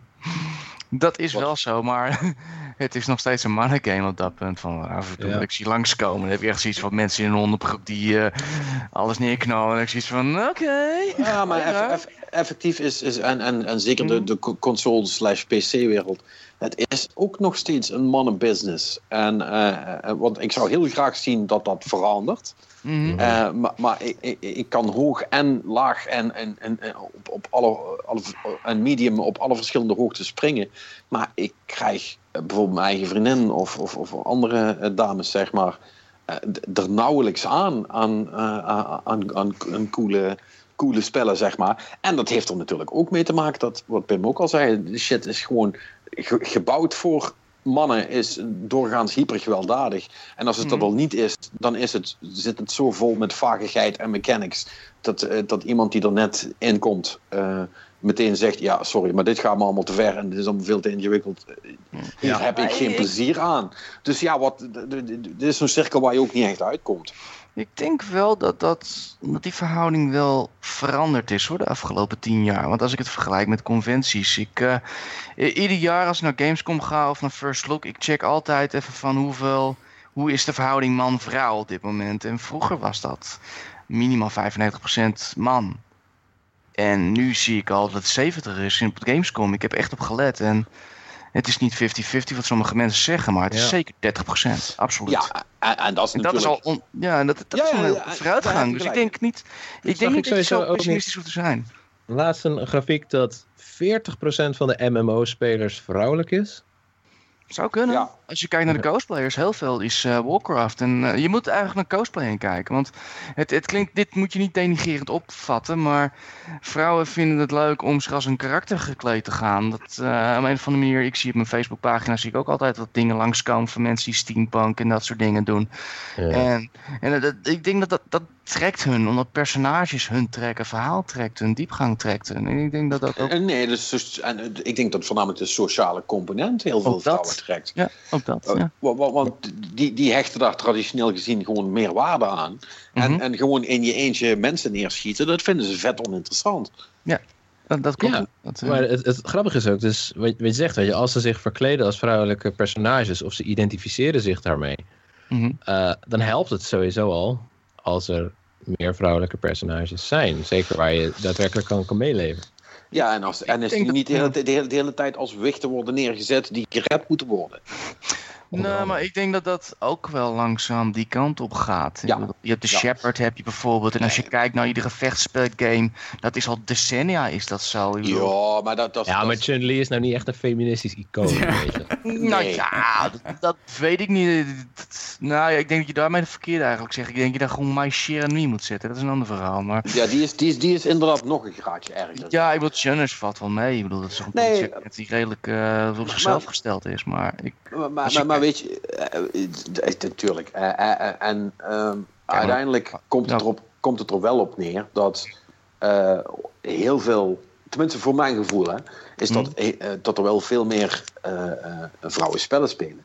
Maar Mhm. dat die ook hele andere spellen spelen, dat daar Ja. toch ook een hoop dingen bij zitten die voor de rest niet zoveel aandacht krijgen. Ook in, in, in de pers bijvoorbeeld niet. Of mobiel. Eh, eh, veel, daar zal ook een gedeelte op mobiel bij zitten. Zeker voor de jonge generatie, want die spelen bijna alles op mobiel. Hè? Eh, de- dat, kijk, de consolewereld is ook een beetje een 30-plus wereld aan het worden, langzamerhand, denk ik. Hmm. Ja, klopt. Het is, eh, in de, de gemiddelde leeftijd zit in de 30, 32 was het volgens mij. Ja, en, en met PC's gaat het straks hetzelfde, hè? want welke gek heeft dadelijk nog een PC? Waarop, Ja. wat, de- wat de fuck zou je die voor nodig hebben, behalve om spellen te spelen? Ja, dat is waar. Ja, tablets en eh, dat soort dingen gaat steeds inkomen. En ja, eh, dat is wel iets waar ik zoiets heb van... Ik hoop niet dat de leeftijd nog verder omhoog krijgt. Want zo dat ik even terug ga naar worstelen. Maar de gemiddelde leeftijd van een worstelaar zit Nee. rond de 40, Nou, weet je wat het gewoon 40 en voordeel- 50. En dat is gewoon... Ja, Je merkt gewoon dat de industrie dat de kosten gaat vandaar. Martijn, eh, Ja. er zit één heel groot verschil in. En dat is namelijk het, het fysieke aspect. Dat is, dat is er bij worstelen wel, maar dat is bij Ja. gamen niet. Sterker nog, eh, ik, ik vind het Ik wel bedoel prettig- niet de participatie, om de kijkers heb ik het nu over. Echt de Ja, mensen nee, kijken. nee, Ja, maar dat is omdat het een, een, een, een, een oude traditie is die eh, niet meer van deze tijd is en gaat uitsterven. Sorry dat ik het, Ik dat hoop het je niet, moet maar- vertellen. Ja, jawel, dat gaat, Er, dat is gaat een gewoon gebeuren. Ik, ik ben En dat is. En eh, eh, dat hebben we al vaker gezegd. Dat gaat met, met, met console slash PC, triple E dingen. Gaat dat op een gegeven moment ook gebeuren? Het gaat gewoon gebeuren. Mhm. Misschien gaan we dat nog wel meemaken. Ik hoop het niet, want dan heb ik niks meer te doen. Maar ja, het zou het- weer het- nul- het zou wel eh, zo maar kunnen. Hey, ehm, maar jongens, laten we even nog na- doorgaan naar het nieuws. Anders is het dadelijk weer eh, eh, veel te laat. Oh, zo is er eens weer. Eh, ja, ja, ja, ja. Want we, zijn, we zijn toch al, alweer eh, een tijdje bezig, zal ik maar zeggen. Zoals gewoonlijk. Ehm, dus, eh, eh, goddank is er niet superveel gebeurd eh, sinds we het de laatste keer over hebben gehad. Maar er is vast wel iets, toch? Nou, in ieder geval, de Steam Awards zijn, ge- zijn uitgekomen. Daar hebben we het al over gehad. Ja, was dat al eens? zo? Oké, nou, Ja. god, zo lang weer. Even kijken. Zelda Breath of the Wild. Hij kon, hij- ja, we weten al dat hij een Switch launch titel wordt, maar misschien niet in Europa. Dat wisten we niet. En er is daar nog geen datum van bekend. Dus dat is vrij apart in ieder geval van... Ik heb geen idee ook wanneer het zou kunnen komen. Wat we wel weten is dat eh, deze week eh, er, komt, er komt een Switch event. En daar zal ongetwijfeld worden verteld van wanneer die precies dan wel uitkomt. Ja. Hij zal in ieder geval in Amerika en Japan verschijnen, maar Europa, ja, vanwege die lokalisatie natuurlijk, kan het misschien later worden. Ja. Dus helaas lopen we weer achter. Ja, is ook super fijn van Nintendo dat ze die eh, presentatie om vijf uur s'nachts hier doen. Echt goede timing. Ja, Lekker bezig. die houden ze gewoon eens ja. in Japan. eh, volgens mij gewoon Als eens in de middag of zo. Ja, het is echt. Ja, goed, ik vind het echt best wel stom. Maar nee, Ja. la- laat maar gaan. Wat we in ieder geval wel weten is dat we Mass Effect al in maart uitkomt. Dat verbaast me eerlijk gezegd. 23 maart. Ja, Ja. Dat was inderdaad van, hey, oh, hij komt echt uit dit jaar. En hij komt al heel vroeg in dit jaar uit. Dat is, eh, ik vind het een Ik beetje eh, Ik apart. dacht dat het nog maanden zou gaan duren. Dat dacht ik ook inderdaad. Ik dacht van, nou, eind dit, eind dit jaar of zo. Maar nee, Er, er is Ja, ook nog niks over bekend. Ik bedoel, eh, je weet Nee. hoe het eruit ziet, maar wie, wie speelt erin en, en waarom doen ze dat? Ah, ze, ze hebben op de CES hebben ze bij het Nvidia event hebben ze wat gameplay laten zien. ja, Ja. klopt. Ehm, maar ja, dat was ook maar een vrij kort stukje, hè? Dat Mhm. is niet, eh, niet heel veel. Die, die Ja. game heeft nog geen één echt gewoon fatsoenlijke trailer gehad die het verhaal doet opzetten of zo.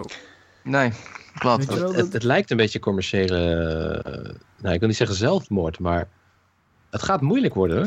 Het is waarschijnlijk een duur spel. Mhm. Het heeft veel bekijks nodig.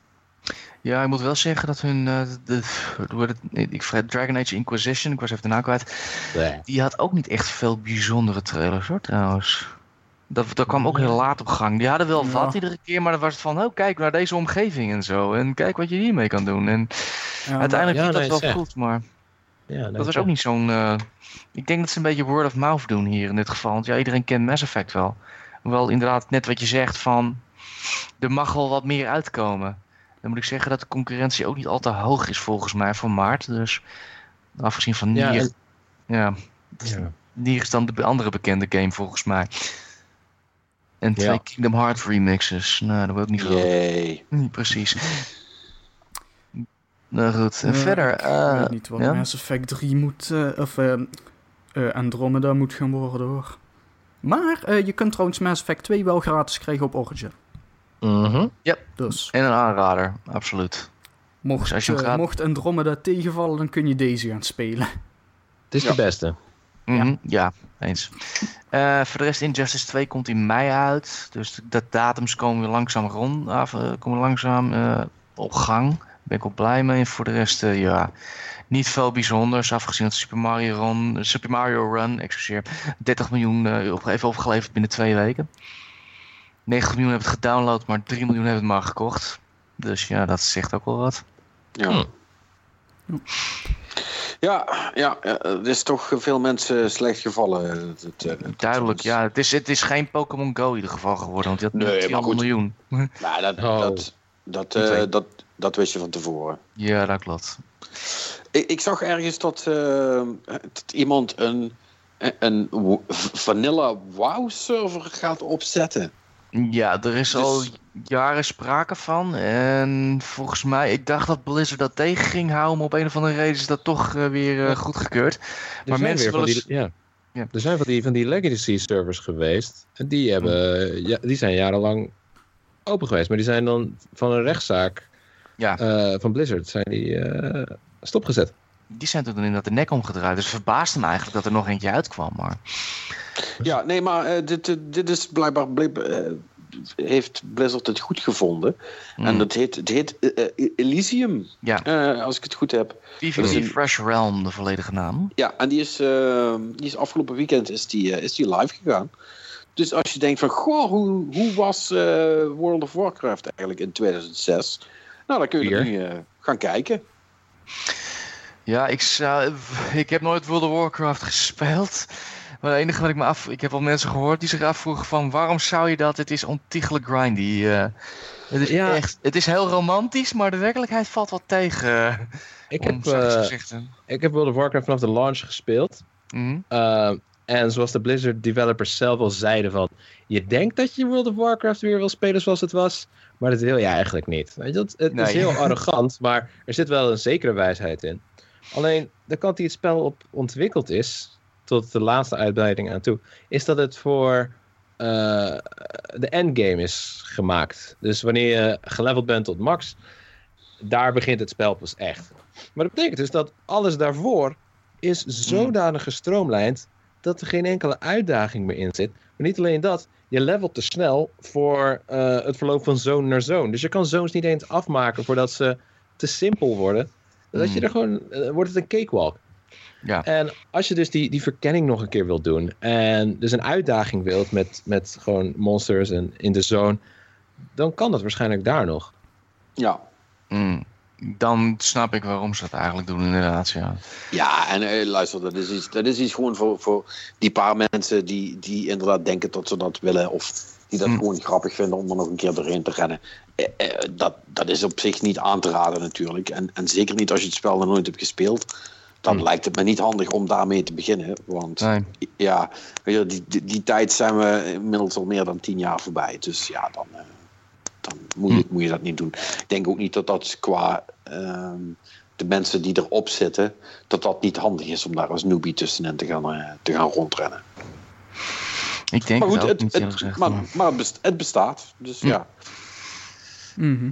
We gaan zien eh, hoe lang het eh, nog mag. Want ja, nou ja, goed, ik weet niet of Blizzard al gereageerd heeft. Dat staat hier niet bij. En ik, wat ik wel kan zien is dat er 10.000 mensen al geprobeerd hebben. Tenminste, die, bij die vorige project hebben ze geprobeerd te spelen tegelijk. En dat ging niet helemaal eh, gezellig. Maar ja, dus ik ben benieuwd eh, hoe dat, of er nog interesse is. Ik denk het wel. Ik hoop het. Mensen echt, ja.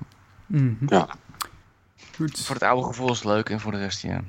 Verder is er niks volgens mij. Nou, we hadden nog eh, van de CES-beurs. eh, Mm. Patrick heeft er volgens mij de hele week eh, allerlei shit over mogen typen. Maar eh, eh, het, eh, wat voor gaming nog eventueel interessant was, is dat eh, de, de HTC Vive, de VR-bril, krijgt een aantal upgrades met nou ja, eh, betere koptelefoonzooi. En eh, dat, dat zal wel. Maar eh, er komt ook een, een accessoire, een, een soort van blokding dat je op voorwerpen kunt plakken. En dan kun je die dus ook in de ruimte trekken. Dus eh, ja, zoals een tennisracket bijvoorbeeld. Ja. Want dat was hun voorbeeld. ja, of Hm. ze hadden hem op een handschoen geplakt. Of allemaal, allemaal dat soort dingen. Dus dan kun je met eh, echte voorwerpen in je hand eh, spelen. Dus dat is op zich wel cool. En er is een, een, een, eh, een kastje wat je, zeg maar, een, wat bovenop de headset komt. Of, nee, niet bovenop de headset, maar bo- Hm? bovenop je hoofd, zeg maar. eh, komt dat dan staan en dat eh, maakt hem eh, draadloos. Of althans, geen kabels meer tussen jou en de PC. Dus eh, dan hoef je niet bang te zijn dat je erover doet struikelen. En van wat mensen, eh, Hm. die hebben hem even kunnen gebruiken daar. En die zeiden van, ja, dat werkt wel. Ja, enige nadeel is, is dat de batterij maar anderhalf uur meegaat. Ja, Ja. nou ja, ik, ik weet niet hoe lang jij in VR... Oh, nee, jij sowieso niet. Maar- Ongeveer 15 seconden, dus voor mij is het prima. ja, een kwartiertje. Dus, eh, maar ja, dat, dat is op zich wel cool dat die techniek er nu is. Dat is op, ik denk ook wel sowieso techniek waar we iets aan gaan hebben in de toekomst. In tegenstelling tot bepaalde fabrikanten die hun tijd liever besteden aan het maken van laptops met drie schermen. Ei, Ja. Luister. Als Razer het niet doet, dan doet niemand het. I guess. Nee, eh, Nope. nee dat, dat was wel echt een fucking waanzinnige ding, inderdaad. Eh, eh, Ik weet niet of jullie. Er zijn twee hele bizarre gaming laptops uitgekomen, heb ik dus gemerkt. Eén is dus die van Razer. met drie schermen. Dus, het is een 17, dus je moet, stel je voor, een 17-inch gaming laptop. En daar zitten dan, als je het scherm openklapt, dan schuiven er elektrisch nog links en rechts een extra scherm uit, zodat je drie schermen Wow. naast elkaar hebt. Ja, is ideaal voor in de trein natuurlijk. Eh, ja, ik, het, is, het is wel cool, omdat het zo fucking bizar is, maar wat moet je ermee? Ik heb echt geen enkel idee. Man, En oh man. eh, eh, dat zijn ook echt van die dingen, van ja, luister jongens, hoe, wie wil dat nou in een laptop? Dat hoeft toch helemaal niet? Dat is toch ook geen laptop meer dan een van die werklaptops. Ja. Ja, voor echt, Nee, maar- eh, Ja, maar, en er is er eentje, eh, die, die vind ik misschien nog beter. Eh, eh, die is, waar was die nou ook alweer van? Ehm, ik weet niet of het nou van Acer was. Eh, ik zou het even moeten opzoeken. Ja, moet ik eigenlijk wel even doen. Ehm, en, en dat was ook een, eh, dat was dan zo'n high-end laptop. En die kost, niet schrikken, Ja, wat is v- Veel. 9000 euro. Oei, wauw. Hoi. 9000 euro. Wat Ja, ehm, dat- is echt super eh, eh, bizar. En, eh, ik ga nu opzoeken waar die van is, want dat is wel handig. Maar daar zit dus, daar zit dus, daar zit dus ook alles in natuurlijk. Hè? Dus dat, die heeft dus een 4K-scherm. Die heeft dus een, een, eh, een, een dubbel geschakelde GTX 1080, dus twee. Ehm, en, eh, en eh, natuurlijk een mechanisch toetsenbord, eh, plaats voor vijf harde schijven. Eh, weet je wel, alles wa- wat je normaal in een hele dikke PC zou stoppen, dat zit dus in die laptop. En ik, ik vond het wel een beetje een bi- bizar verhaal door die prijs. Maar het wordt dus nog beter. Ik zag een foto en dan, moet je even, even zelf opzoeken. Ah, dat is het hier. De, de Acer Predator 21X. Ja. Eh, het coole ervan is, als je hem op foto's ziet, denk je, ja goed, dus, dat is een laptop, het zal wel. Oh, Eh, maar dat ding, dat ding weegt dus, eh, niet liegen, 9 kilo. En die is ongeveer zo groot als een kleine HD-TV. Eh, ik zag een foto van iemand op de CES die hem dus vast had. En ik kon zijn hele borstkast niet meer zien. En hij moest een, 21 inch staat Ja. hier. ja, Hij was net zo groot als de eerste Xbox controller of zo. eh. eh, ja, ja, misschien nog wel groter. Nee, maar het- het- shit. het is echt fucking Dat is Gewoon waanzinnig. een iMac op schoot nemen. Laat zien, laat Ja, zien. ja, dat. dat ja, en, en- alsof je een iMac op schoot hebt. Ja, Oh my god. ja, het is echt. En dat ik echt denk van ja, weet je, en dat is, dat is wel cool of zo. Maar dat ding is ook, dat ding is ook gewoon over een jaar of anderhalf eh, technisch achterhaald. Mhm. En eh, wie heeft daar wat aan? Wie? Ik snap Ja, het. Kan je toch niet meenemen, zo'n ding? Nee. Daar heb je een auto voor nodig. Ja. Maar je kan hem in zo'n zo'n tas meenemen, weet je wel, waar vormgevers en, en schilders hun, eh, hun werk in dragen. Ja, oh, eh, ik, wacht. Ik, er is nog een cool detail wat ik vergeten ben. Hij heeft een gebogen scherm. Wauw. Ja, Silence, ik zit net te kijken Een inderdaad. laptop, een laptop met een gebogen. Echt, daar Nee, val, val Nee, maar op de sokken van uit. Serieus, dit ding ziet er echt uit als wat iets wordt gebruikt in een of andere B-spionagefilm of zo. Weet je wel, dat de CIA-agent dan zijn laptop open doet en dan is het dan dit soort ding. ja. Ja, eh, eh, het is echt nou, een prachtmateriaal. Dus, Oh, eh, nee, ja, voor, voor, de rest, eh, voor de rest was CES eh, eh, was, heel eh, niet nuttig voor, eh, voor gaming, moet ik zeggen. Hmm. Dus voor de rest niks gewoon. En er was nog iets anders van Razer, want die zijn wel van de bizarre projecten. Dat vinden ze, dat vinden ze wel leuk. Dat was eh, Project Ariana. En eh, dat zag er wel cool uit. We- jullie kennen Ambilight wel, hè? Weet je wel, dat je Mhm. kleurtjes achter de tv krijgt. En Ja. zij hadden dan eigenlijk zoiets. En ik kan me herinneren dat ik zoiets al een keer eerder heb gezien. En wat, wat zij dan hadden was dan een geüpgrade versie daarvan. Is, eh, er was ook zo'n kleine projector. En eh, wat die dan doet, is die scant dan je kamer. En eh, die zorgt dan dat eh, het gedeelte van het scherm, eh, of van de, van de gamewereld die buiten het scherm valt, eh, dat die geprojecteerd wordt op de muur. Hm. Volgens mij heeft Microsoft ook ooit zo, zo- zoiets gehad. Ehm, Ja, volgens mij En- wel. Ja, daar, daar, daar hebben ze, daar moet je ook maar een keer een video van kijken. Het staat ook, ik heb er ook iets over geschreven op Dutch Cowboys trouwens, dus kun je daar terugkijken. En uh, dan zie je de video's. En het ziet, er echt, het ziet er wel echt heel cool uit hoor. Want je hebt dus uh, je scherm. En, en daaromheen, over de hele muur, zie je de rest van de, van de wereld. En het, het was een prototype. En daarmee gaven ze dan aan hè, wat dat eventueel zou kunnen. Want, dat is de hele grap van het verhaal. Het was namelijk, uh, het had ermee te maken dat hun, hun chroma-systeem, dat is wat zij gebruiken om weet je wel, muizen en toetsenborden en zo, om daar allemaal die ledkleurtjes in te laten lopen. Uh, uh, dat gingen ze dan vrij uh, maken of openstellen, moet ik eigenlijk zeggen. En dit was dan een idee van wat je daarmee zou kunnen bereiken. Alleen, um, jullie moeten me dat even uitleggen. Want volgens mij is het namelijk allemaal fucking gelul. Er staat ook een stuk. Um, want, corrigeer me als ik het verkeerd heb, maar mm -hmm als jij een projector hebt die de gamewereld die buiten het scherm valt, hè, mm -hmm. dus, want ze hadden een soort van first-person shooter. En dan zag je dus echt de rest van de arm. En de, de, de, de geometrie om waar je naar het kijken was heen. Uh, als je dat wil projecteren, heb je dus uh, niet alleen maar lampjes en lichtjes nodig. Maar heb je ook iets nodig wat al die geometrie real-time kan genereren. Want hè, het was gewoon een first-person shooter. En waar die ook keek, hè, daar ging alles mee, zeg maar. Dan moet je dus toch gewoon die hele oppervlakte renderen. Of ben ik nou Ja, gek? nee, dat, dat klopt. Maar wat er waarschijnlijk dus is gedaan is... Het totaal wordt gerenderd en vervolgens wordt er het, een kleiner stukje uitgesneden in het midden. En dat weer terug naar het scherm gestuurd of zo. Zo, zo uh, denk ik dan wat het meest logisch is. En, Maar, maar, de- vreet, ja. maar dat vreet toch heel veel processorpower? Ligt eraan.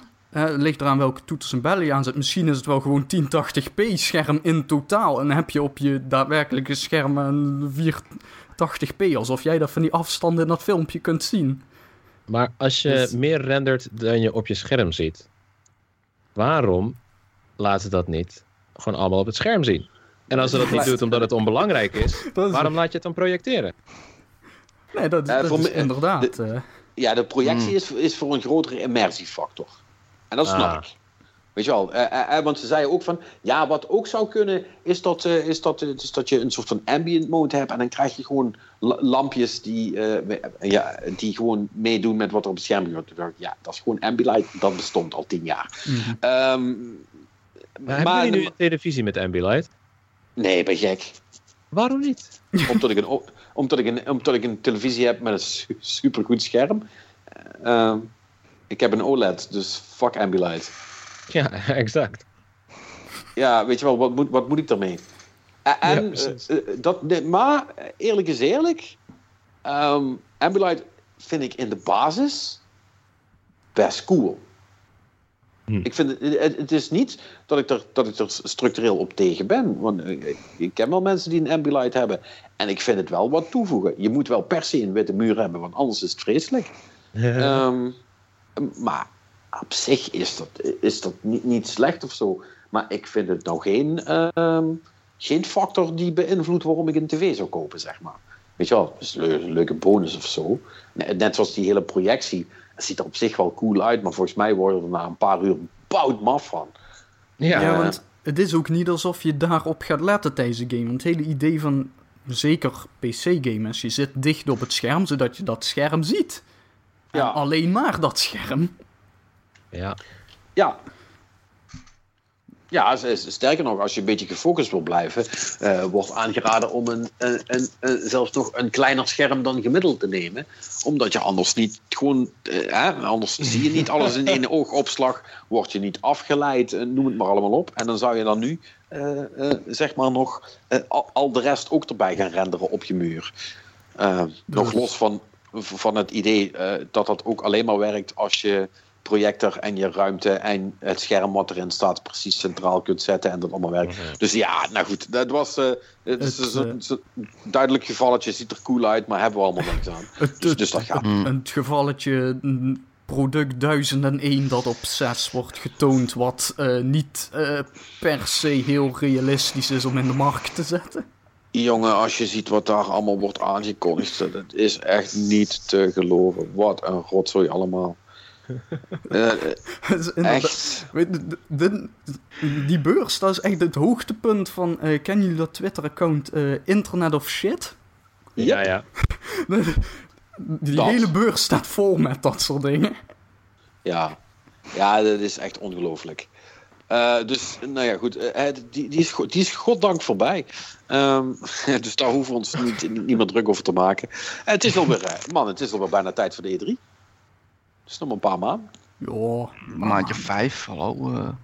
Gaan er nog bedrijven naartoe? Ik denk het wel. Ik heb nog geen afvaarzeggingen gehoord in ieder geval. Nou. Maar het is nog een beetje vroeg. ja, je, Nintendo sowieso niet. Ik denk dat eh EA wel weer zijn eigen shit gaan doen. Maar ik denk dat er nog wel wat bedrijven komen in ieder geval. eh. is- Hey, al staan ze niet op de beursvloer, iedereen gaat dan toch die week aankondigingen doen. Dus dat blijft Ja, toch wel. sowieso. want Ja. ik bedoel, dan zie je dus wat EA vorig jaar deed. Dan zijn ze wel in LA aanwezig en zo. Alleen dan hebben ze gewoon de rekensom gemaakt en gedacht van... eh, we huren wel ons eigen tentje. Ja. Ja. jullie kunnen allemaal langskomen in het hotel vlak naast het convention center waar we zitten. Daarom. Dat, eh, Zo gaat dat toch vaak zat. Ja.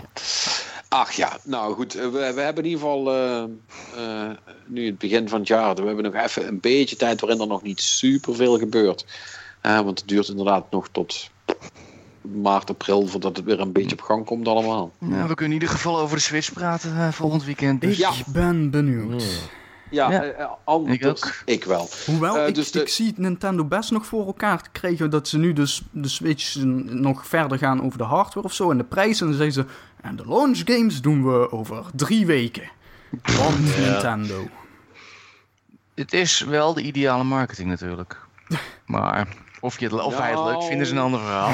Nou, dat, dat weet ik niet of ze, of ze daar of ze nou ja, je houdt de, aan, verstandig aan doen. de aandacht vast steeds met nieuws. Dus dat is zich Ja. oké, man. Ja, dat is waar. Ja, goed. En eh, eh, kijk, het blijft linksom of rechtsom toch wel een ding waar je, Mm. eh, waar je rekening mee moet houden. Dus eh, ja, daar gaan we het eh, volgende week zeer zeker over hebben. Ehm, jongens, bedankt. Hm. Eh, Pim, jij vooral natuurlijk, omdat je speciaal tijd hebt vrijgemaakt. Eh, is altijd- zondagavond. Ja, op een zondagavond. Spo- spoiler, dat is wanneer die podcast wordt opgenomen, dames en heren. Ehm, Oh, oeps. Oh joh, dat weet iedereen. Dat het maakt niet uit. dus eh, ja, cool eh, eh, als je eh, binnenkort nog eh, een, een keer iets interessants hebt of nog een keer wil meedoen, dan staat je dat altijd vrij. Je bent, eh, Ja, graag. Je bent door de ballotagecommissie heen gekomen. Je bent, eh, we vinden je niet onsympathiek, dus je mag terugkomen. Yes. Ehm, collega ook. Bedankt voor de uitnodiging. ja, en je, inderdaad, je Dark Souls fan collega is, is, eh, is structureel nu uitgenodigd. Die mag altijd komen. Ehm, one of us, We, we, moet- one of we us. moeten onze Ja. filterbubbel in stand houden natuurlijk. Eh, exactly. Uiteraard. Ja, ja, eh, dus eh, ja, eh, hopelijk eh, eh, luisteraars zijn jullie er volgende week ook weer bij. Dan hebben we, als het goed is, ook weer een speciale gast. Dus ik zou zeggen, maak er een goede week van. En wij spreken elkaar volgende week weer in een nieuwe Dutch Cowboys Gaming Podcast. Oh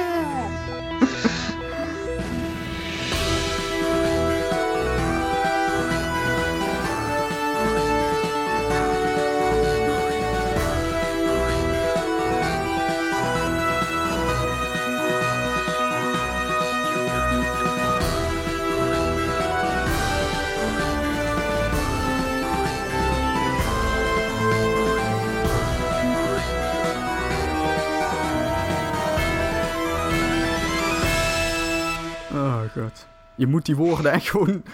Zullen we gewoon even die woorden alle vier apart opnemen, zodat je ze gewoon erin kan plakken? Dutch Cowboys, het is gewoon Dutch Cowboys Gaming Podcast. Ik weet niet waarom dat het zo moeilijk is voor mij om dat te zeggen. Eh, ik, ik, Gaming ik- Cowboy podcast. Du- Dutch Gaming Cowboy, ja, Dutch Gaming Podcast Dutch Cowboy. Podcast Gaming Cowboy.